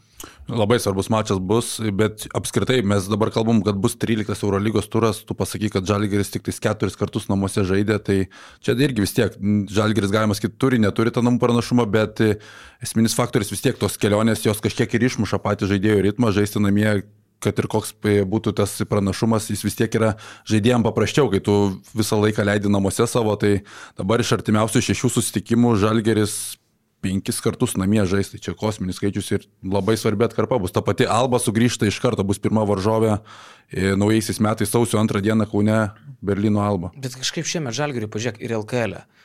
Neptūnas tai čia Žalgirį iš viso atpūrtė, tiesiog at, at, atidaužė kaip bokso greušė. Posvalys, prisiminkim, irgi Žalgirio arenui ten kūrė pritelę ir dar tris kėlinius pirmavo. Mm, bijau dar kažką pamiršti, bet LKL irgi dar buvo net ir arenai sudėtingesnių rungtynių. Iškaip nėra jokio, jokio, jokio faktoriaus tos žalgerio arenos. Ir apskritai žalgeris šiame turi tą blogą savybę, kai kaip chameleonas prisitaiko prie varžovo. Su stipriais varžovais jie žaidžia kokybišką, normalų krepšinį, kabinasi iki paskutinių minučių, kartais pavyksta laimėti, kartais nepavyksta. Su silpnesniais, apie tavo Alkelas paminėtas, tas pats vakar su Alba, nu jie tiesiog prisitaiko prie šudinos komandos. Gal tai irgi šitą sako? Dėl trenerį. Tai palauk, tai aš dabar jau nesupratau. Žinai, ta prasme, tu čia kalbi, tu čia, tu čia kalbi, tu, tu čia kalbi kad e, Žalgiris nepažadžia LKL, vad namie, namai neva nieko nepadeda. Su tokiom komandom kaip Neptūnais, Pieno žvaigždėm, Albom, Žalgiris turėtų savo lygių nunešinėtas komandas. Ir tai nėra vienas pavyzdys. Ir tada, žinai, jeigu tu dabar, man tik dabar šitą mintis atėjo, okei, okay, teisingai, LKL. -as. Kada Žalgiris LKL šitaip e, krepždėdavo, kaip jie krepžda šiemet? Nu, prie Zavco. Sen, senokai. Senokai, senokai. Senokai. Ir, ta prasme, ir, tai, ir šiuo atveju tai nėra vien komplektacijos klausimas. Su tokia komplektacija Žalgeris, neturėdamas ten tų visų žaidėjų, ką mes kalbam, nei kuriejų, nei pakankamai gynėjų, turėtų vis tiek neštas komandas. Ir kaip jie neneša jų. Sakau, yra dar ir kitas dalykas. Aišku, užtruko integracija Meneko su, su, su Longu, Bet yra dar ir kitas dalykas, vis tik tai apie jį jau kalbėjom sezono pradžioje, Žalgiris kaip bebūtų, bet yra atsinešęs praeito sezono princesės karūnėlę. Nu yra. Mes sukūrėm istoriją, padarėm stebuklą, o dabar jau tas top 8 tampa kaip visiems savaime suprantamas dalykas. Tai ką čia LKL iš vis veikti, žinai, taigi šitą komandą top 8 žaidė. Ir kažkur pasąmonė yra užsifiksavę tai, kad mes labai labai stiprus, bet pamiršom, kaip mes tai stipriais buvom praeitą sezoną. Kiekvieną kartą žinodami, kad esam silpni. Kai tu žinai, kad esi silpnas, tada stengiasi, daužaisi, trankaisi, visur eini keliais įrodinėjai. Ir plus, praeitą sezoną Žalgiri žaidė po gėdingo sezono. Tai reiškia reabilitacinį sezoną, kur kiekvienas rungtynės eidavo ir LKL, e, atsimenu dar ir Krapiko, ir, ir, ir kitų trenerių būdavo žodžiai. Čia mes turim kiekvienas rungtynės rodyti dabar mm. norą, nes praeitą sezoną mes buvom treti, mūsų išdulkino visa Lietuva. Tai reiškia, negali nežaisti. O dabar vėl čempionai, vėl viskas fainai, to paštuoniai jie. Yeah. Ir tada ateina princesė Žalgeris. Atrodė, ta princesė Žalgeris jau pabūdė. Uždeda kurpaitę, čia nuvalyk. Nuvalyk. Jo, jo, atsimint, plauk. Šaras buvo pavadinęs princesė Panvežė Lietkabelį. Atsimint, buvo sezonas. Šio sezono princesė yra Lietkabelis. Nu, tai Cinderella story, čia tipo, nu, kita prasme. Bet ir buvo iš tos pusės, kad LKL labai perdėtą pagarbą pradėjo rodyti Lietkabelių ir Elė sudėliojo tvarkaraštį. Man atrodo, palanku buvo iš tos pusės. Nu jo, čia vienas didžiausių šaro nusišnekėjimų visų laikų turbūt. Nu jo. Tai va, o šiaip tai LKL e vyksta įdomių dalykų. Pavyzdžiui, Arturas Jomantas sugrįžta į Vilnius rytą. Štai taip. Va taip, ilgai ieškotas sporto vadovas, sporto, sporto GM, kaip čia įvardins. e, ir rytas jau jį turi. Tai jau pradėjo darbus, jo man įdomu. Ne, jis pradės, man atrodo, kai baigs karjerą, tai čia gruodžio 17 ar kada tas paskutinis mačas? Pradės, kai baigs karjerą kitą savaitę, ne? E, Kitą savaitgalį jo. Glemba prieš gerai skamba. Prieš kalėdas pradės savo naujus darbus. Bet logiškas kaimas, kai tik tais atsilaisvino ta vieta, aš jo man tai vardinau turbūt kaip patį pagrindinį tą pretendentą, kuris e, galėtų perimti darbus ryte. Rytas eina tą pačią kryptimi realiai kaip su Zavacku, kai Zavackas buvo padirbęs e, normaliai jau baigęs karjerą Neptūne, turėjęs tos patirties, bet Jomantas nors ir žaidė čia tos pastarosius kelis metus, bet jis jau buvo daugiau vadovas negu žaidėjas. Atsimenu Arturo Jomanto trajeką iš Žalgirio kažį. Pratesimą išplėšė ir pergalę Siemens arenai, tai galvoju, toks labai tolimas metimas. Nuo lentos atsimenu. Jo. Atsimenu. Arturas Jomantas, trys taškai. Ten, ta, nu, labai sunkus buvo. Žmogus, kuris žaidęs per visas penkias pozicijas yra. Čia unikalu. Yra dar kitas. Toks. lietuviškasis Toni Kukočius. Kukučius per penkias lošęs. Jo, jo, jo. Tai. Nu, jo man tą atsimenu ryte atakuojančio gynėjo pozicijoje. Dar sako, kad anksčiau dar ir kažkur tai yra į žaidėjų žaidęs. Dar Borisas Dievas per penkias. O, O, net rinktiniai jisai Rinktinėj žaidėjų žaidė žaidė. devintais metais, Taip, taip, taip, taip. Tada kažkaip jau lengvas kraštas nesunkėjo, tada su metais jau sunkus kraštas, nes dar pasunkėjo ir galiausiai tada, kai jau nebepajudėjo, tai Zukijoje centras, bet, bet toks centras, kad kryvas nenusistumė jo nacionaliniai lygai. Nu. Tai už šiaip unikalus žaidėjas, ilgamžis. Jisai, jisai Vilniui gyvena, man atrodo, tai jam viskas labai patogus perėjimas gaunasi. Taip, ir Nijolė pareigytė yra buvusi jo antra, antra pusė irgi toks įspūdingas dalykas mano galva yra. Mano, mano vienas iš krašų, pavyzdžiui, visada būdavo Nijolė pareigytė. Nu, va. tą tokį prisipažinimą galbūt sakysiu. O pats Jomantas dabar turės savį įrodyti kaip sporto vadovą, šiaip e, mažiekiuose ar įrodė kažką.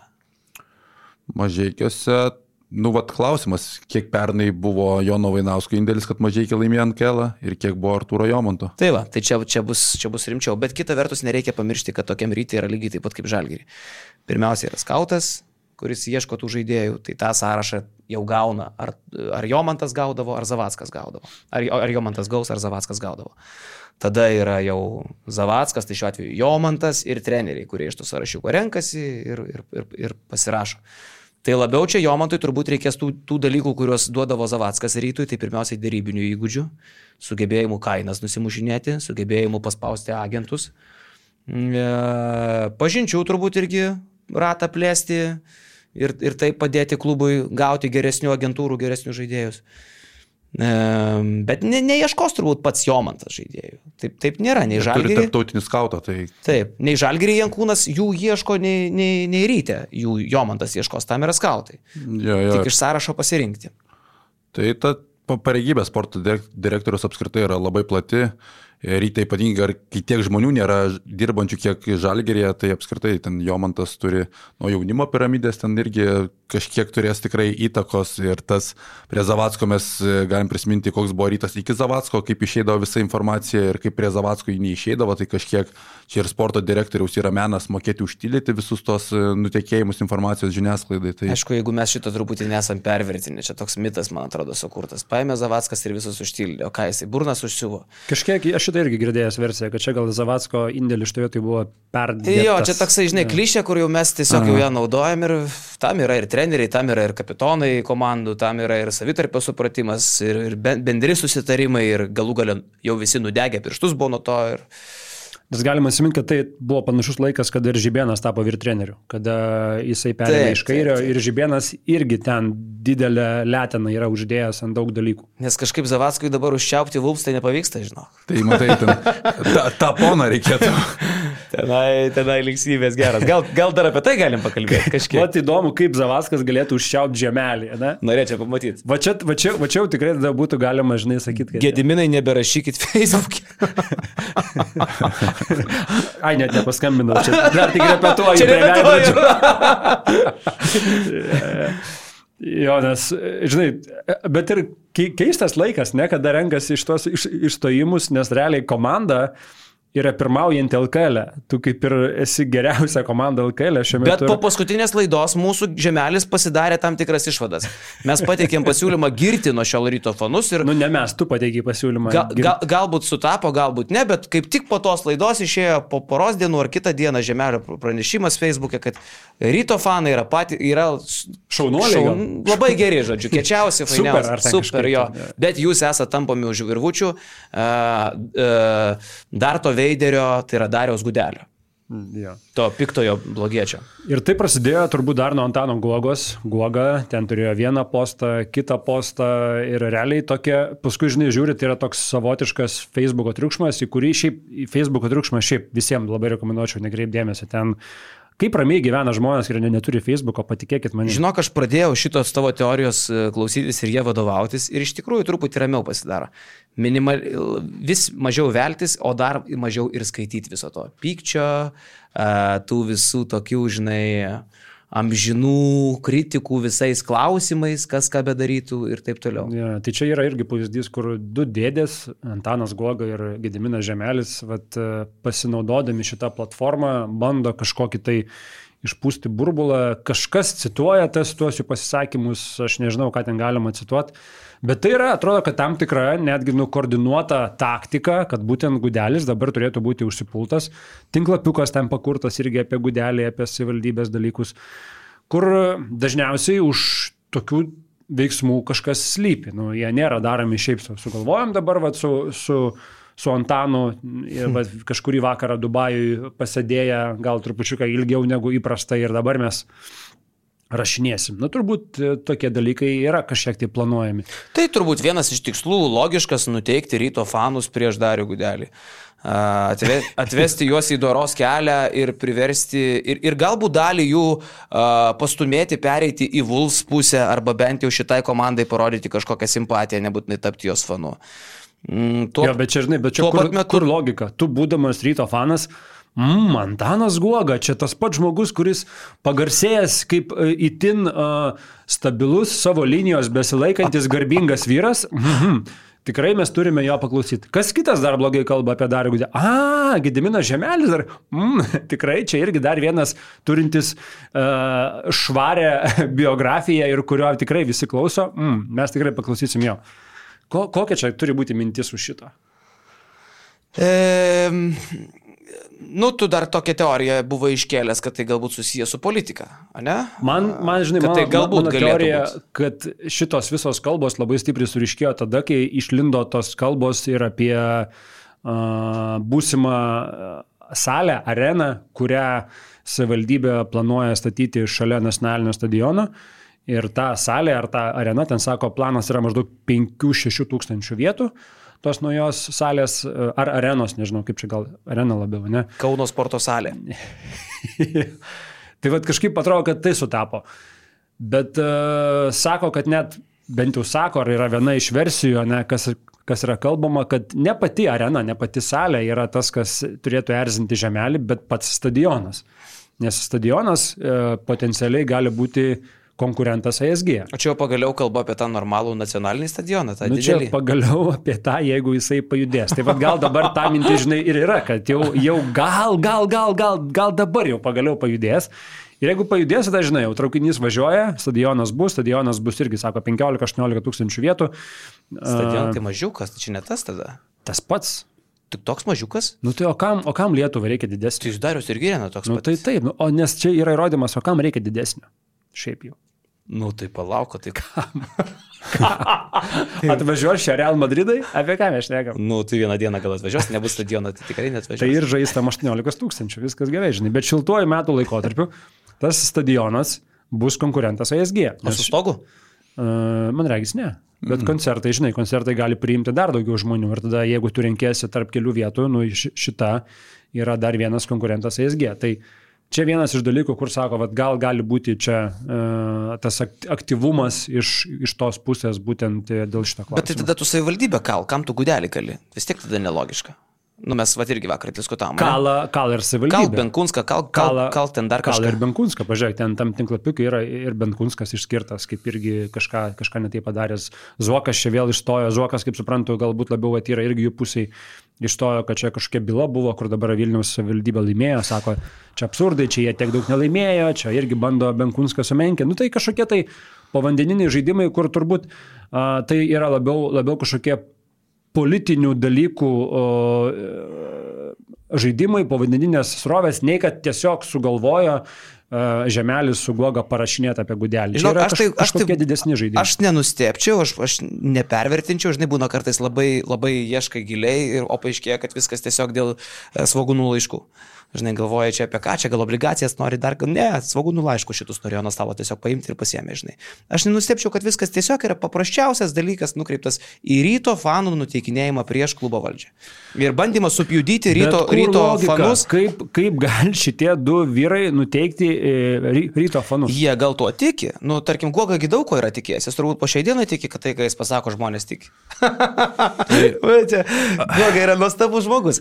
Uh, juk prisimink, ar yra buvę nors viena vieta, kurioje Goga pabūna, iš jos išeina ir apie ją gerai atsiliepia. Niekada. Bet aš net, aš net nebejoju, kad Praėjus porą metų Goga ant vilkų šūdą pils. Aš ne, ir visiškai nenustepčiau. Ir aš net nebejoju, kad ateis, ateis ta diena, kai, kai vat, šitaip gali atsitikti, bet kad net ant jo nepyksta rytas, aš spėčiau. Todėl, kad guoga aš priimu tiesiog va taip. E, tu, tu sakyk, ką nori, ar, ar liberalai pyksta ant guogos? Manau, kad ne. Nu, nes tu supranti, kad jis daro Čia- čia- čia cirką. Guoga, čia Tony G. Jo, Čia jis, Tony jis, G. jis lošia pokerį, jis įsikalnė, jis, jis gali tave apjuodinti, pasakyti apie tavo e, savybės visas blogiausias, iškolioti tave, tavo šeimą visai žaisti, o paskui ateit ir pasveikinti su kalėdumi ir įteikti tau davanėlę. Jonas labai labai sveikina tave su šventėm. Čia yra goga. Man Ir apskritai tu ant jo nepyksi, man atrodo net. Tas jų Facebook'e pašnekesys, nu, ta prasme, koks yra jokingas žiūrint iš šono ir radau čia gerą labai aprašymą, yra paimtas skrinčiotas, kur Tony G su žemelį kažkurio iš paustų susirašinėja ir aprašymas. Atrodo, kad septintokai VNLT formą bendrauja apie ekskursijos, kur su dariuku iš paralelinės klasės konfliktą turėjo ant Akropolio ledo. Ir, ir skrinčiotas. Tony Goga rašo, gudelis bus deleted. Gediminas Žemelis atsako, gudelis nežino, kas yra uraganas. Čia daug ką pasako, tu negali rimtai tai žiūrėti, nu, nes Platformai, kuri Bet tai čia yra šau, šaika. Kur yra šau. mirštanti, mirštanti platforma, du uh, rimti vyrai, rimti turtingi vyrai susirašinėja. Va, čia taip, Bus deleted. Gerai, kad dar nepasakė, bus zero. Zero. Bet žiūrėkit, bet yra šau. Ir tai, ir tai yra labai gerai, nes e, čia kaip su muzi muzika lietuviška, niekas jos neklauso, bet iš tikrųjų visiems per balių patinka. ane? Taip ir mes šitam pasauliu įpratę jau prie tų normalių kalbų, prie tokio aukšto lygio, tralelę. Bet ateina du, vienas uraganas, kitas dėlytit, ne? Ir jau įdomiau, jau linksmiau, mums visiems realiai patinka tokį mėštą skaityti. jokinga tiesiog. Ja, aš, tai, aš tai ir, žinai, ir mes matom komentarus uh, savo Discord'e, uh, ryto, ryto fanų, ryto gerbėjai. Aš tai kažkaip labai stipriai, man atrodo, labai yra stipriai perlenkta lasda, vertinant, kad jau čia vyksta naikinimas klubo. Vyksta klubo naikinimas ir dabar yra per mažai apie tai kalbama. Nu, apie ką mes kalbam? Darius Gudelis yra stiprus vyras. Jisai atlaikęs ne vieną audrą ir šitą... Ginelevičinė net atlaikė saudrą. Tai va. ne vieną audrą. Tai, tai čia, žinai, šita aud, audrelė, šitoj stikliniai, jinai yra musikuojama ir jinai yra labai jautri tiem, kurie per daug leidžia laiko Facebook'e. Mažiau leiskit laiko Facebook'e ir pamatysit, kad tas gyvenimas jis nėra toks jau kažkoks tai purvinas. Jis visai toks smagus ir saulė, žiūrėk, dar pašviečia kartais išlenda. Aš dabar dar pagalvojau, labai geras kalambūras gavo su ta audra ir taip toliau. Ir prisiminiau visiškai ne į temą, bet tiesiog, vat, kol nepamiršau, koks talentingas yra Valinskas. Žinot, kad Valinskas rašydavo tekstus visiems tiems auksiniams svagūnams, te, dai- dainoms ir taip toliau. Okay. Kelias į žvaigždes Jo, jo, jo. Visi jo tekstais beprotiškai daug tekstų yra prirašęs, ten apie jį visokių nuomonių gali turėti, bet šiaip, kad jis talentų talentas, tai čia yra faktas. Ir visai neseniai, va taip visiškai atsitiktinai, YouTube'as išmetė, pasiklausiau dainelę ir užstrigo tekstas, apie, kaip nausėda kalasi tipo su maldeikienė, žinai, dainos tekstas. Ir nausėda sako, į televizijas neįsiu, kol maldeikienė ten los. Ir tada atsako Maldeikienė, gal tu vampyras nausėda, jei tai bijai tos aušros, seni. Oho. Okay. Įsivaizduoji? tai va čia yra panašus lygis tavo su audra. Ne, tavo audra. Nu, mūsų audra. Mūsų audra. Čia audra yra Ginelevičiai, nesakyčiau, Lietuvos audra. Jo, e, Matysim, kaip tu, tai- kaip, tu, kas- kaip, kas tu, čia- kaip tu matai tą finalą, to, to, tų, tų visų rėtenų, gudelio, žemelio? Aš matau tą finalą toks, koks jis ir dabar buvo rytas iš savo pusės, nei ten velėsi, nei komentuoja, nei lenda, nes akivaizdu, kad jiem to nereikia. Uh, Rytas beje šiandien, kaip tik, jeigu neklystu, turi savo valdybos posėdį, va irgi toks metinis susirinkimas, kada jie tvirtina, tvirtina dalykus busimiems metams, busimiems trejiems metams, tai dėliojas ten jie savo tos dalykus, važiuoja pagal, pagal planus. Uh, tikrai nėra uh, idėjų, kad čia dabar vyksta naikinimas ir mums reikia uh, kastis apkasus ir ruoštis karui, kad apsiginti nuo šito viso polimo. Tikrai tokių, tokių nėra. Tai, kas daros ten arenoje, su tom vietom, su sargaliais, aš galvoju, labai dažnai yra stipriai sutirštinama ir perspaudžiama ir reaguojama per dalyką emocingai. Kas šiaip su emocijom yra viskas tvarkoja. Sportas yra apie emocijas ir kitaip ir, kitaip ir negali būti. Bet aš sakyčiau, nėra ten jau tokių tragiškų situacijų, kaip galbūt ryto fanam atrodo. Jo, šiaip vakar dar irgi kalbėjom, jau išsimta tema, bet Vulso ateimas yra jiems patiems blogų laikų, ant daryto emocinio pakilimo, fanų atsigavimo, ant naujų dainų, naujų skanduočių, ant Lietuvos čempionų titulo galų gale ką tik iškovoto, ne pernai, bet užpernai. Nu, pernai, praeitą sezoną. Jo, Už praeitą sezoną. už praeitą pernai. Tai blogas laikas Vulpsam ateiti, nes rytas tikrai mylimas ir nuteikti šit, fanus prieš rytą, prieš klubą būtų buvę lengviau prieš kokius ketverius, penkerius metus, kai tikrai ten buvo prasta situacija, dabar jinai gera. Tai e, mano, mano idėja nesikeičia, aš manau, kad vienintelis kelias Vulsam, nors kiek būti mylimiems Vilniuje, turėti savo kažkokį tai sirgalių ar, arba bent jau pagarbą Vilniuje, pirmiausiai būtų eiti per meilę, o ne per tą tokį bandymą pjudyti. Manau, kad tai yra klaida. Ir e, sakymas, kad jūs fanai labai geri, bet jūsų klubas tai nahui. tai irgi nieko neduos.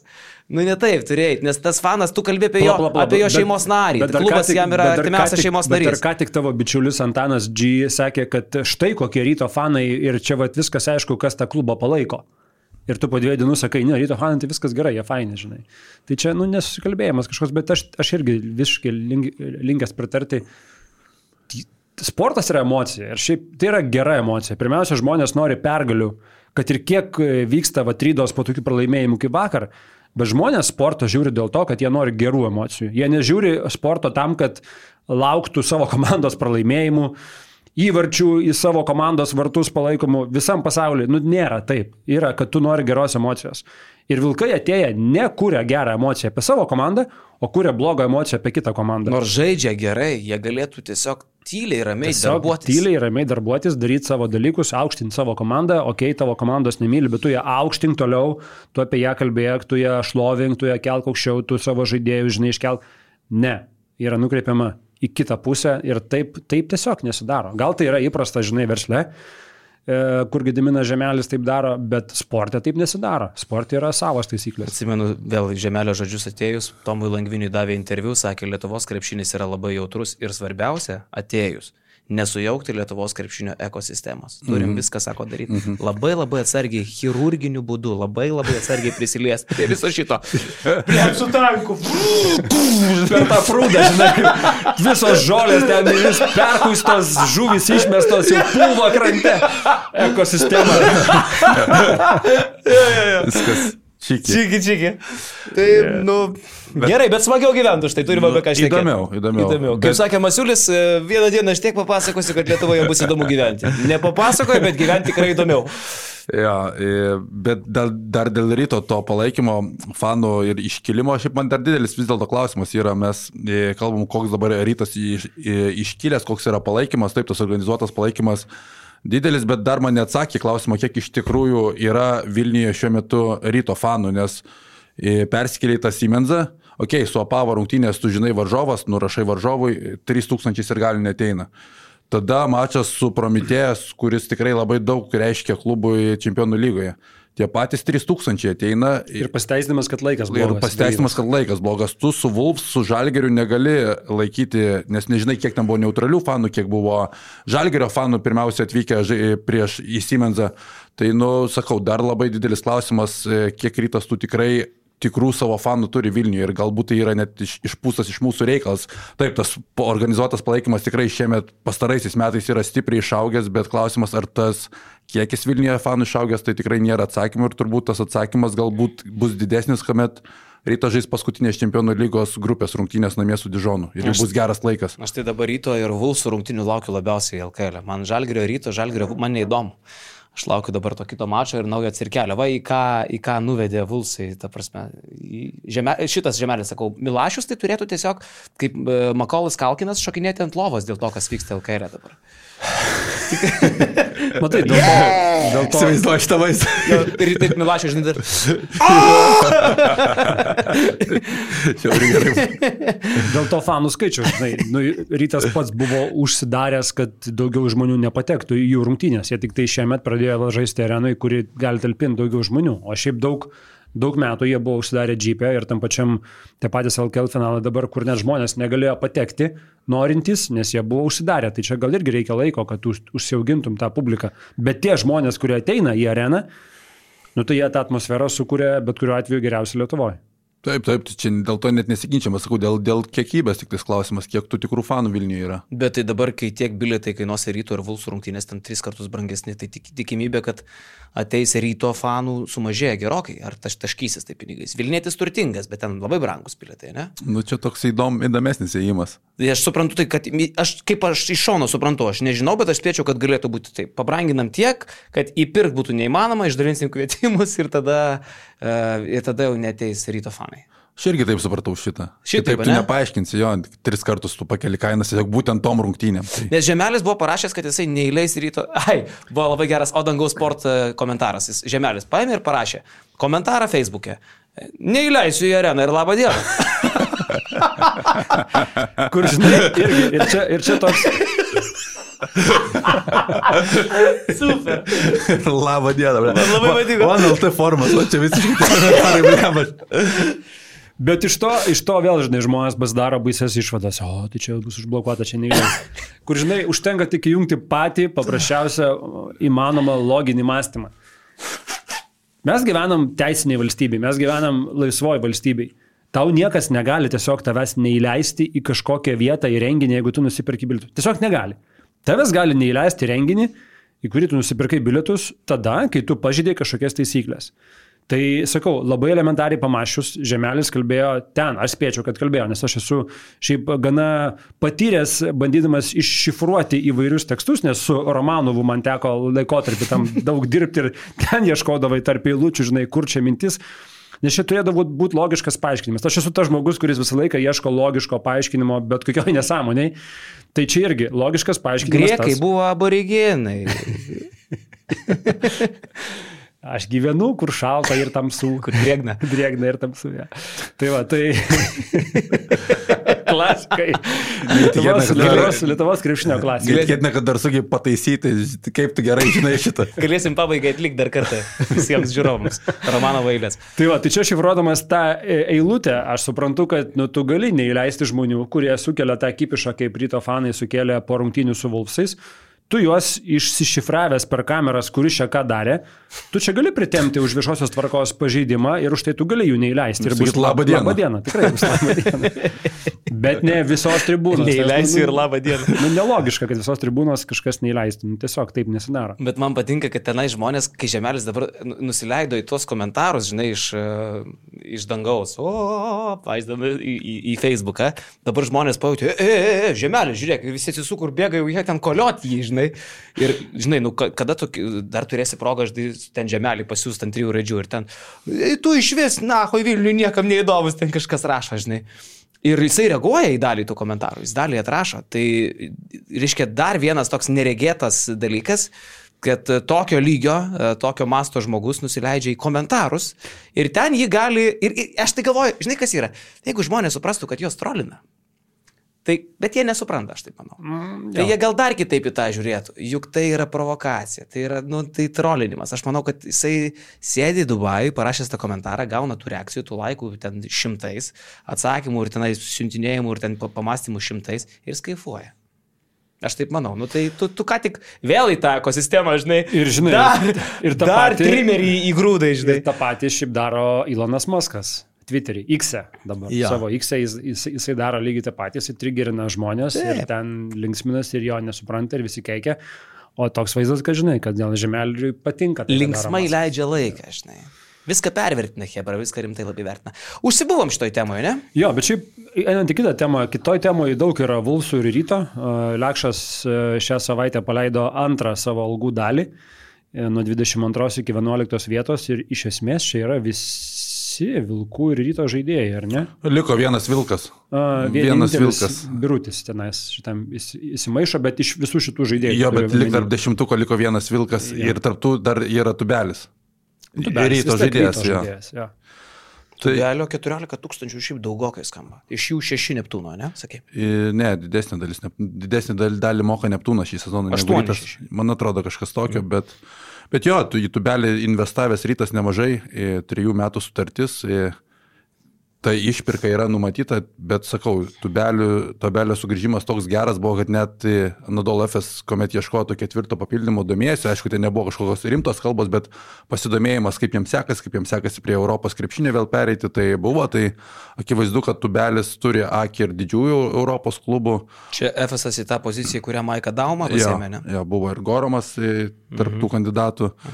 Tai praktiškai jo, visas dešimtukas, vienuoliktukas čia gavosi Vilkų ryto, ryto žaidėjai, vienintelis birutis patenka, aukšti, aukšti, ankstesnėme reitinge buvo dar Davidas Gedraitis, tai realiai tai yra du iš trijų pigiausi žalgerio žaidėjai, Danielis Lavrinovičius net nepatenka į šitą reitingą, jo atlyginimas ten tikrai žalgerio mastais labai žemas. O paskutinėme reitingė, sakau, devyni žalgeriečiai ir vienas, vienas Vilkas, kuris dar šį sezoną nežaidė. Galvau, sakysi, 9 žalgyriečiai, o 10 badas. Dešimtas balas. tai šiaip sakau, buvo daug ten ir diskusijų, kad svetimus pinigus skaičiuojam ir panašiai, bet, bet sakau, man atrodo, kad e, anksčiau ir vėliau Europoje irgi bus taip pat kaip ir Amerikoje, kad e, tie atlyginimai tiesiog bus e, oficialiai deklaruojami, nes ypatingai iš tos pusės, kad didžiąją dalimi Lietuvos klubų jų didžiąją dalį biudžeto sudaro mokesčių mokėtojų pinigai. Tai... Kada nors gal ir bus, bet mes jau turbūt nebegyvensim tuo metu. Man- Manai? Aš manau, kad net Jonas savo bakalaurinį rašė temą, kada, kada Europai bus paviešinami žaidėjų atlyginimai, ne? Gali būti. Bet Neprisimenu, bet gali būti. Prancūzijoje tai yra oficialus momentas, bet man atrodo vienintelė šalis tai yra Europoje Prancūzija, kuri oficialiai skelbia žaidėjų atlyginimus. Jo. Uh, tai jau dabar laukia naujausia dalis, ne? Jo turėtų išėti rytoj popiet. Nu, kažką gali numest kokį nors Ai, razinį? aš tik tais dabar va, po šito mačo labai nelaiku jisai išeis, kadangi, nu, man atrodo, Edgarui Lanovui tai dar labiau nepa, nepadės. Kad didelis atlyginimas. Nu, bus ten, bus šaukiančių garsiai. Žinok, vėl manau, kad tokiam biznį reikia susitaikyti su tuo daugam, visiems viešiems žmonėms ir apie, va, tu labai gerai, kad užsiminė apie Gedrių Gustą ir kitus. Tu turi suprasti, kokiam tu biznesi. Ir e, manau, kad kažkuriuo metu turi arba, arba sugebi atjungti klausą nuo to ir, ir kaip sakyt, koncentraciją nuo to, arba ne.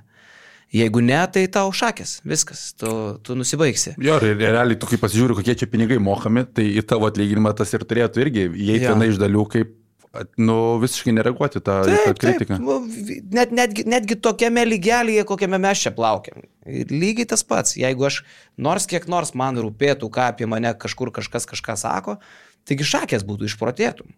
Tai tu arba supranti žaidimo taisyklės arba ne, arba tave domina arba ne, arba tu, žinai, yra sakančių, kad jų nedomina, bet iš tikrųjų jie jautriai reaguoja. Taip, taip. Tai, tai jeigu tu tik tai sakai, tai, tai viskas, viso gero, baig, baig ir žaisti ir, mm. ir viešai daryti kažką, viskas out. Tai manau, kad žinok, Ūlė ar, ar, ar dar kažkas, tai kas gauna tos kritikos prie šito biznio tokiame lygyje, jau šitame biznėje tokiame lygyje jau turi būti prisitaikę ir pripratę. Jo, jo, aš irgi galvoju, kad čia, čia normalus dalykas ir sporto, sporto dalis, tai nemanau, kad Ūlė labai ir apsikrautų dėl šitų dalykų. O šiaip dar apie tos pinigus kalbant, apie tavo tą antrą tekstą, tai turbūt galima sakyti, kad uh, tam tikrus sėkmingus loterijos bilietus ištraukė Hadas ir Egirdas Žukauskas, kurie laiku pasirašė kontraktus su komanda, kuriai tuo metu reikėjo permokėti, e, kad to žaidėjus gautų. Tas pats Krisas. Gerame lygmenyje dar pasirašinėjo tos kontraktus, realiai ta karjera atrodė visai pakilime. E, Tiek Iškevičiaus, tiek Žukausko žaidė gerus sezonus e, po Rusijos. Tai tas permokėjimas šiuo metu atrodo didžiulis, bet tuo metu tai atrodė tik tais nedidelis tas algos pakelimas, ypatingai kai reikėjo tų lietuvių vilkams. Krisas prisėda, Regimantas minėtas lygiai tiek pat, kiek Krisas uždirba. Tai irgi, aišku, pirmas sezonas, tai tu turėjai kažkiek permokyti ir nu, ta rinkos kaina tikrai išsiputė lietuvių. Dabar jau, kai klubas jau du sezonus gyvuoja, jau tą kitą vasarą, kuomet šitie kontraktai dėlį nukris, vilkai turės žymiai didesnę laisvę rinkoje. Ir čia turbūt abiem žaidėjim tokie paskutiniai didžiuliai kontraktai. Adui, Eigirdui, jo, jo. Adui 34. Tarp kitko, vyrukai, e, dar kažką pridėsi apie tas kainas? Manau, kad rytoj paskaitys tekstą, kas, kas norės atsivers, viską sužinos. Trys dalis visos basketniusė yra, tai, tai kam įdomu skaičių, skaičių magija, skaičiukai, tai siūlau paskaityti. Tarp kitko, gerbėmėjai, šiandieną yra mūsų visų bendro draugo, mylimo vyro, puikaus bičiulio Dainiaus Navicko gimtadienis. Galų galę tėvo. Tėvo? Tėvo. Tėvas. Tėvo. Taip, taip. Vėjas vaikas. Jo. Tai dainiau nuo viso basket news'o mes tave labai mylim, labai sveikinam. Rytoj žinau, kad Balius yra Vilniuje su Grinevičium bendrą gimtadienį minės. Nežinau, ar pavyks ten nusibels, galbūt ne, nes būtų jau too much, bet Dainius Novickas yra kandidatas į geriausio Lietuvos metų trenerio apdovanojimą. Nu, Lietuvos tautinis olimpinis komitetas LTOK renka metų trenerį ir aš galvoju, kad mes kaip įtakingos damos galim pasiūlyti, paraginti žmonės balsuoti už Dainių Novicką, nes 3 prieš 3 krepšinis, reikia pripažinti, yra ant bangos. Ant bangos. E, Apie titulus gali kalbėti ir kalbėti, kiek paskutiniu metu jų iškovojama apie reitingo vietas, apie šansus patekti į olimpiadą ir taip toliau.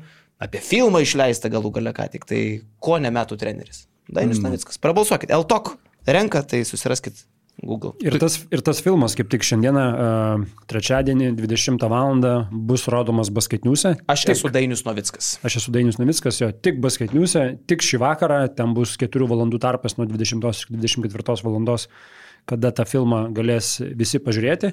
Taip, Filmas prisijungus valandos reikia, ar, ar, ar e, nebūtina prisijungti? Nebūtina. Tiesiog, tiesiog jo, jį, jį matys bet kas, kas apsilankys basketniuose.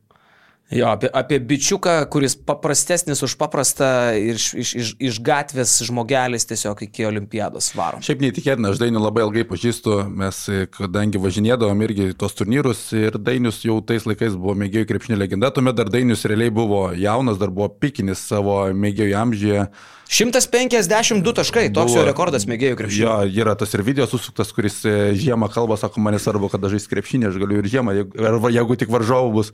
Bet atsimenu, kaip jis pasakodavo, kaip devyniose komandose per sezoną žaisdavo, važiuodavo, sužaisdavo mačą Akmenyje, tada nuvažiuodavo į Kedainius ir užsibaigdavo Vilniuje. Tai fenomenalu. Mano pirma turbūt kelionė su juo buvo, kai mes dar buvom vaikai, 3 prieš 3 Baltijos taurė buvo Talinė ir važiavo ten visos, e, dar sneaker virusas tais laikais vykdavo, mes laimėjom Esu vedęs. savo amžiaus grupę, Novickas su savo Hebra buvo laimėjęs e, tarp vyrų jau tą pagrindinį turnyrą ir tos visos komandos buvo vežamos iš Kauno į Taliną. Tai ten laimėjom tiek mes, laimėjo, važiavo ir Tomas Dimša, Grigonis, man atrodo, ta- tam, tam buvo autobuse. Bet ten Teinis Novickas jau tada garsiausiai reiškėsi, autobusą prašė stabdyti kas pusvalandį gerą, tai, tai senas geras Dainis nepasikeitęs, bet O ko jisai stot parūkyti ar pamišti? pamišt labiau. Tai ko taip varė įmišti? Kas ten? Nu tai pergalė šventė, žinai. Tai... Jasna, jasna. Jo, Jo, tai, mes, aišku, mus buvo, tuomet gal po 12 metų mes nesupratom, kodėl tam vyrui nelaiko taip šlapimas, žinai, bet dabar biškiau atėjo tas supratimas. Neįtikėtinas žmogus iš tikrųjų. Apie, apie bet ką filmai nėra statomi. Tai Dainio su gimtadieniu tave. E, Beje, mūsų paskutinis podcastas, dar pasidžiaugiant, surinko 53 tūkstančius peržiūrų. Tai aišku, čia yra toks mūsų vidurkis dabar, bet man labai džiugu, kad net tokioje sezono stadijoje, kada Žalgiris nėra laiminti komanda, kad mums vis tiek pavyksta tokius skaičius virinti, kurie kažkada būdavo neįmanomi. Tai mes ir toliau dvigubai, traiškom visus likusius artimiausius persikėtojus podcastus. Tai čia turbūt kaip... Plus mes kažkas- šiandien labai kažkas- gražiai esam pasipuošę. Mes su Karoliu štai turim Lietuvos nu, džemperiukus.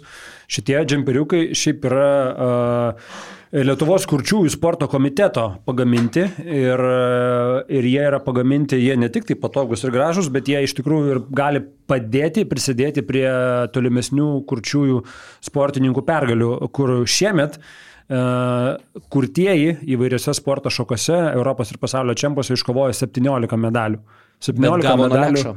Ir gavo nuo lekšo mėgėjų lygoje. Praeitą kartą kaip tik kalbėjau, net nežinau, kad jie pas mus bus podcast'e, bet pasakiau, man atrodo, labai, labai daug, kad e, tas kurčiųjų sportas tikrai matosi, kad juda į priekį ir ded- dedamos didelės investicijos, kaip tos komandos atrodo. Sakau, jos to lygio gal ir neturi, tokio didžiulio, bet taip kaip komandos žaidžia, taip kaip jos yra paruoštos, tai turbūt tai yra, buvo, su kuo mes susitikom šį sezoną, arčiausiai profesionalų sporto. Labai labai labai gražus žemperiai. Gestais, gestais pavaizduotos raidės, jo, Lietuva, nu, toks jautrus, tuo pačiu sakyčiau, kad patriotiškas ir tuo pačiu socialiai gražus džemperiukas. Jo, tai jį galima įsigyti skambios pergalės.lt. E, Šitame tinklapyje galite ir pasiekti skambios pergalės LT Instagrame. E, Ir sakau, labai paprastas būdas prisidėti prie būsimųjų e, kurčiųjų pergalių ir Lietuvos garsinimo, garsinimo visame pasaulyje. Ir jeigu norit dar prisidėti prie savo garsinimo, tai mes turim mūsų šopę, nuostabiausią džemperį, kuris eina dabar geriau negu kažkada pandos džemperis, negu pandamija. Aš skersą dėjau ant to basket news. Yra pasakęs Gintaras Krapikas, trys spalvos su gobtuvais, be gobtuvų, žalias, juodas, su oranžiniu a, apipavydalinimu, su baltu, su žaliu, kaip tik nori. Tai a, be šito džemperio vaikščiot Kaune, žiūrint basket news podcastą, ar, ar Vilniui, ar Klaipėdui, be tokio džemperio vaikščiot dabar yra nusikalstama. Man įdomu, ką Krapikas būtų jums pasakęs, jeigu būtumėt padarę džemperį ir jo veidą uždėję ant raudonos spalvos. Ta pati, ką jau pasakė, kad jis ant mūsų skersa dėjęs yra. Uh, superinis džempakas kalėdom, tai yra nuostabi dovana, beje, kalėdinių rinkinių irgi turim šopę, tai jeigu tik tai dar neturit išrinkę savo mylimam krepšinio bičiuliui ar bičiuliai dovanos, shop.basketnews.lt turim ir visą rinkinuką, rinkinį pirkti apsimoka, nes ten ir marškinėliai, ir džemperis, ir visokių kvapukų, ir mūsų ranka parašytų sveikinimų, ir prenumeratų, ir žaisliukų prikrauta, žodžiu, toks didelis čigoniškas rinkinys. Arba galit e, tiesiog nusipirkti, pavyzdžiui, pavienį džemperį, kad ir vat tokį, ar iš visokių kitokių kolekcijų. Tai o šiaip klausyk, šiaip kapitonas atėjo į laidą neatsinešęs trofėjaus. Tai e, gerbiamas e, e, Karoli Lekai. O, blemba. Ar galite, ar Atkeliavo. galite padaryti mums Atkeliavo. tokią paslaugą, kad tą taurę visgi atnešti kapitonui? Taranta tatan, taranta tatan, ranta tatan. Štombergas nes nesimato po taurę? Nes Štombergas buvo tas, kuris šūkį sakydavo. Tugi mūsų šūkis sakytojas buvo. Ai, basket news. Taip. Nu, mes ten priklikavom. E, Lietuvo žurnalistų taurė, e, mes pirmą kartą tampam čempionais. E, pirmieji čempionai, beje, čia irgi yra įvardinti, taurė yra pereinamoji, tapo 2012 panevežę žurnalistai. Man įdomus faktas buvo, kad mes apskritai tik trečią kartą dalyvavom. Aš galvoju, kad anksčiau basketniusas jau buvo pradėjęs savo karjerą šitos žaisdavom turnyruose. už Kauną ir aš su Kaunu esu tapęs čempionu, gal dabar reikia atsekti, kuriais metais.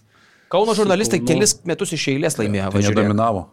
Va, a, jo, 13, 14, 15, tai vad kažkuriais iš tų ir aš laimėjau, tada atsimenu. Turėjom labai stiprią sudėtį, nežaidėm labai labai gero kažkokio Ne, krepšinio. labai prastai žaidėm, bet- Tiksliau, jūs žaidėt. Mano užduotis buvo kitokia. Aš važiavau, jau mano laikai, kaip sakyti, seniai praeiti. Mano užduotis buvo nuvažiuoti pirmiausiai Hebrai, motivaciškai padėti. Padėjai tikrai, tikrai. Užvesti reikalas. Paspausti teisėjais buvo keli epizodai, šiek tiek panervinti varžovus, kaip kokį gedą žygelį. Daugiau aš... ten- Išnervinai? Tik, nu, baudas Bet metė. mes jautėm to palaikymą, tikrai jautėm. Tai mano va, tokia funkcijėlė, žinai, buvo. Ir dar mes buvom Atneš susitarę. svorio truputį. Mes dar- Sekretoriatui biški, žinai, kažkokią tokią. Mes dar su tam buvom susitarę, tu atsimeni, kad aš sakau, išliko panika kažkaip nuimk nuo ant suolo, nes panikos buvo daug nuo Nu, pirmo čia mačo. turiu prisimti atsakomybę, aš skatinau tą jo. tai čia, Čia blogai. čia jo, bet e, skatinau, nes mums reikėjo gero video, tai vad video, uh, vlogas yra YouTube kanale. Nes panikos buvo tiek daug įnešta, nes Šlikas nebeturėjo balso po pirmo mačo, kurį mes laimėjome ant 30 taškų. Bet aš tavęs tokio pikto nesumatęs. Mes žaidžiam su Lietuvos rytų pusfinalyje ir suprantigi, ir, ir gaunam techninę suolas. O šlikas labiausiai ardos nuo to suolo, žinai, tenai, blėdė, vyrai, kažką tai. Ir tada lėkštas ateina, tu sės, bet mes per tave techninį negavom. O, galvoju, seniai. Bet buvo... Bet iš tikrųjų suolas gavo, nešlikęs. Bet gerai, bet ten apkaltinom šliką. žinai. bet jis iš, iškart pasikeitė, nes aš sakau, šlikai buvo suplanuota tavi viršų mėtyt. Mėtysim ją, pačiau vien tašku pralaimėsim. Tai tada šlikas pasikeitė. Čia toks pasyv agresyv geras. Jo, jo, jo. Blecha. Mėtysim ją pačią. Čia toks būdas pasakyti, kad tu gausi į kuprą. gerai. Stu- Sudėtį turėjom nuostabę, kas man yra džiugu, kartais tokiuose turnyruose būdavo, ne visada, bet būdavo kvestionuojama. "E, Čia labai geras žaidėjas, tai ar jisai dirba ten tam portale, ar ten tam laikraštyje, ar dar kažkur. Mūsų komandoje tikrai labai geri žaidėjai, bet visi jie dirba, ne tik, kad dirba, bet jau dirba ilgai čia. Ir daug. Ir labai daug. tai man tas mat malonu, žinai, kad mes tiesiog turim stiprią krepšininkų komandą, kurie realiai yra pilna, pilna etačiai basketinius darbuotojai. Tai mums šito niekas neprikišta. Ne, nu nieks, nieks žinai, nepaneigs faktą, kad iš esmės priminėjant žmogų basketinius į darbą, pirmas ir vienintelis klausimas yra, ar moki ką šią žaisti. Jo, tai kažkaip manęs ir Agniaus neklausėt šito. Tikrai, dar ten seni laikai buvo, žinai. O dabar paskutinių kelių metų būtent yra toksai, ar tu geras, nu ir dar paklausim, ar geras žmogus, nes irgi svarbu visgi. jo. O šiaip gerai nežaisdami, galbūt kiek e, kartais tiesiog ir susižaidimo pritrūko, kartais e, tokio mm, darnumo, treniruočio gal pritrūko, ne? Nu, tarkim, mes finale žaidėm su presu. Presas yra kažkur matytų komandos pagrindų sudaryta komanda, tai jie vienas kitą žino. Saročka, šitas Zenkovas. žygis, Zenkovas. nu, Kazlauskas. Kazlauskas labai mažai žaidė, bet e, jie jau sulipė, jie viens kitą Taip, pažįsta. taip, ne, čia komandinis sportas, natūralu, bet čia geras finalas gavosi, jų momentu atrodė, kad gal ir ne- neištrauksim. Smagus toks renginys, nežinau, Tautinas Vincevičius sakė, kad kai laimėjom, kad nusprendė, jog dabar kitą turnyrą turės renkti čempionai, nežinau, kiek tai juokais buvo, kiek ne, bet nu noris, kad ta tradicija prasitęstų kitais metais. E, Žinai, kad tauriai teikinėjo pats Vydas Gedvilas. Mačiau nuotraukas, Ir jisai man rankas spaudė. Kažkaip mes su Vydu, žinok, susitaikė esam. Aš taip iš akių matau, mes jau kilintą kartą, žinai. Ir jisai, a, šanalis, daug reikia, kokie mažiukai centrai. Tokia. Okay. Jo. Aš tai e, baisiai uh, jaudinusi ir sekiau naujienas, ten čia tą refreshinu, nu kur žinutė, kur žinutė, jau turėjo sužaisti, turėjo. Ir kai įmetė, kad turim taurę, tai net ir pats tokį kumštį į viršų iškėliau, labai džiugu buvo. Spaudė šitas mūsų įtampėlę, kad mes Jautėsi, neturim. jautėsi ant tavęs, tai ypač jautėsi. j- Čia reikėjo darbą čia, padaryti Čia, čia buvo tiesiog aiškiai, garsiai įvardinta, kad mes važiuojam laimėti. Aš tai važiavau kaip- Net, net, net ne, nieko mažiau, ne, nedalyvauti, negerai pasirodyti, nepagerinti pernai metų pasiekimą. Laimėti tiesiog. Tai čia buvo, tikslas. žinai, kaip senais laikais iš Maskvos buvo nurodymas, ne? Senais laikais. O aš važiavau kaip tas kagabistas, kur žalgrį lydėdavo, žinai. Tas, kur gal kažką tai užsidarti. Gal tiesioginį ryšį su Miklovu ir kažkaip padažnai. Kaip tai, kaip tai, labai labai. Šlikas pjauna, pjauna, pjauna. jo, jo, tai toksai, kur sėkiau gyvenimą visą tą. Nu, puikiai. Mm, labai džiaugiuosi. E, turėsim ginti. Turėsim gint, turėsim gint. Bet, nu, nemažai pasako, kad, žinai, laimi taurę, bet e, kiti, kas žiūri iš šono, sako, nu, kad jie čia per sunkiai laimėjo. Tai reiškia, nu, pranašumą tikrai ant popieriaus turim gerą. Bet komandinis sporto šaka, tai nėra ko norėti, pirmą kartą susirinkti 9 ryto. Nu, tai atsiprašom, kad per sunkiai laimėjom tada, nežinau. Atsiprašom, jo, atsiprašom. Jeigu ką įžeidėm. Pa- Pasistengsim kitą kartą paprasčiau, paprasčiau laimėti. Žinai, basketinius nelaimi blogai, basketinius laimi irgi kažkas blogai, tai čia klasika. Kadangi jau tokia šiandien labai keista, kad mes po žalgerio rungtynių esame geros nuotaikos, ne? Bet gal čia jau tas... Pamiršom, kad grabas už sienos. Juokas. Tyliau. Gal norėtųsi dar priminti, labai seniai kalbėjau apie tos žmonės, kurie yra tokie ištikimi basketiniuso pliusai. Tai yra mūsų Milašė. Aš labai nuo nuo savęs dėkoju žmonėm, kurie mus per mėnesį remia 50 eurų. Šiaip galėtų kartais gal ir daugiau, galim sąskaitą gal nurodyti dar kažkur, kad ir ten galėtų pervesti. Bet yra ištikimų pliusų Milašių sąrašas. Marius Milaševičius, net į Milašiaus panašiai pavardė, su savo legendiniais mačiūnais iš prienų. E, Marius iš UAB Isolitos, Vytautas Ratkus, odontologas 24 LT, AB Aksa su visais plukais ir plukienėm, Rolkis Rolės Transport AS, Milė Butik LT.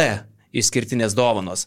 Pr- prieš šventės irgi. Justinas Bakas, Mad Market stalo žaidimas. Uh, National.pintographic kažkas tai. A, nauja sąskaita LT sąskaitų kūrimas. Gedrius Grigalius, sveikas atvykęs. E-tortas. Labas. Irgi. Kas yra E-tortas, neįsivaizduoju. Ir Evaldas UAB emeritus telegrame. Pasakėjai, Mariu Milaševičiu, dar pamiršom tokį vieną dalyką keistą įvykusi. Realiai nuvarytum į prienus ir sutiktum Lavarą bolą, tikrai pagalvočiau, kad vaidenasi. Lavaras bolas dabar Lietuvoje. Ką jis čia veikia? Aš mačiau, man Domas Šeškus atsiuntė su juo fotkę iš karto į e, Instagramą ir parašė, ką tu? Ir aš galvoju, čia sena nuotrauka, nes... Aš irgi pagalvojau, kad tikrai, kad sena, bet po to mačiau, kad ir Birštino sporto centre pas Gedrių Gustą nuvažiavęs Lavaras bolas kalbasi su vaikais. Tai Kažkoks surrealizmas, ką jis čia veikia? neįtikėtina, kažkokiu sakė, verslą vėl pradeda čia Lietuvoje, kažkas suks kažkokią programą, tai įdomus momentas. Wow, geras, ne? Nu. Flemba ten va, veiklus bičiukas. Irgi. Love or hate, nesvarbu, bet va, pagarba už tai, kad toks verslus Sukas, sukas ir daro. Šiaip man apie Milašius naujas dalykas buvo vienas iš Milašių šiuo metu. Man padeda su būtu labai stipriai ir pasirodo, sako, pavyzdžiui, ai, sako, pas mus kompanijoje yra trys Milašiai. Mes vat, pažįstami, žinai, draugeliai. Sako, aš pradžioj pradėjau ir paskui dar porą draugelių įkalbinau ir trys draugai. Ar pažįstami, nežinau, kiek, kiek ten jie draugai, bet va, tai va, po, Geras. po pidis, kas mėnesį metą ir jiem, ir jiem dėl to smagu. Šiaip mes seniai didžiavomės mūsų pliusų komanda 6625 žmonės, aišku, tas skaičius jau kurį laiką laikosi, tai vis dar yra didžiausia, neprilykstamai didžiausia uh, prenumeratorių bendruomenė Lietuvos krepšinio istorijoje ir ne tik tai krepšinio, mes manau, kad trečioje, ketvirtoje vietoje pagal prenumerat- prenumeratorius apskritai Liet- Lietuvoje esam e, tokio tipo platformose. O šiaip šią savaitę dar laukia svarbus reikalai. Vat, jeigu prie basketiniusų perėjom, tai ketvirtadienį mes turėsim irgi uh, įdomią laidelą. Uh, nežinau, ar tai bus prie aikštelės ar netaktiškai, bet bet kuriu atveju tai bus pokalbis, interviu su Rolandu Skaisgiriu. Ateina legendinis rolis. E, gal snukį gausim, visai, Bagažinį pasivažinėsiu. visai yra buvę. Bet tuo pačiu mes apie 3 prieš 3 krepšinį pakalbėsim, apie aktualijas apžvelgsim, manau, kad vat, po tokių žalgerio rungtynių gal ir skaisgyrys kažką dreptels. Mhm. Bet šiaip tai norisi truputį apie babkės pasikalbėti tenai. Irgi tuo pat metu. Kažkiek minimaliai. Nu įdomu, įdomu. Jo. Žiūrėk, ir pačią pabaigą gavau žinutę, kur sako, gal ir aptarsit podcast'ą, nu neaptarsim, nes neturim žinių, bet pasirodo, kad, e, vat, kaip ir rašo e, žinutės autorius, viena iš taikiausių ir neproblematiškiausių LKL fanų grupuočių, Panevežė Lietkabelis, skilo. Ir dabar bus dvi Lietkabelio fanų Tu grupuotės. juokauji. Kažkaip taip įvyko. Nu kokie durniai. Dar viena tema. Sekmadienį buvau panevežį. Vat kaip gaila, jeigu taip atsitiko. Nuostabus palaikymas Lietkabelio. Nuostabus. Šeiminiškas, toks šiltas, ten nėra ko norėti, bet aš kaip atsimenu, kaip ten buvo. Mm. Tai čia yra didžiausias šuolis. Visi su tai šalikais ir vėl jamą pridėjęs savo ranką su ta visi už Lietkabelį. Ir supranti, ir aš Lietkabelio mamų, tėčių, sesių, brolių, šeimos narių, toj mi- mini zonytė. Irgi šaukė atsistojęs. Nu ir aš taip nejučiom iš vienos pusės šalikas, iš kitos. Ir irgi pajaučiau, kaip jau taip. Ty, ty, ty, ty, ty, ty. Ir pasirodo, kad dabar skilo. Žodžiu, buvo Cardinal Red Legion. Jezu, kaip jie sugalvojo tokius sunkius pavadinimus? Kam reikia Ir tokio kodėl tie šūdo? angliški Cardinal Kodėl Red red, jie yra violetavi. Ah, Žodžiu, bet dabar naujas yra X Sector. Skamba kaip pornografinis filmas kažkiek, atsiprašau. Mano santykiai su fanais ir taip nėra patys geriausi, jau su ryto nėra, su žalgiu nėra, dabar lietkabelio susigadinsiu. Šiaip, matai, su žalgerio ryto tu dar gali rizikuoti, su panevežiu tu dabar surizikavęs. Ok, drąsu. Drąsu. X Sector, jo. Kaip, sakė, kaip kažkada apie panevežio tas laukinius laikus kalbėjo. Pagalvok. Žmonės dinksta, namai dega. Tu čia praktiškai- Laikai sudėtingi. Praktiškai AMB cituoji tokiu tonu, žinai. Pagalvok. Galva, kur tie pinigai? Kitą mėnesį parneš. Viso- visuomeniškas. Gal stalčių. Ir dar penktadienį mes turim Ž- Žydrūno Ilgausko a, video, grįžta mūsų su Karoliu Leku bendri darbai, e, paruošėm, parengėm. Šį kartą mažiau verksim, bet gal ir išspaus kokią ašarytę. Žydrūnas Ilgauskas, apie, apie jį, ką jis davė Lietuvai. Tokia bus diskusija. Ką tu davė Lietuvai? Žmogus mislė. Atiduok, būk visuomeniškas. Kur tie kėdai? Baigėsi podcastas, bet tu net nepaspaudėjai like, būk žmogus, dar čia būtinai paspaus, kad galėtų matyti mus iš karto pats pirmas, prenumeruok kanalą ir ta BN pliusų tai nėra sudėtinga.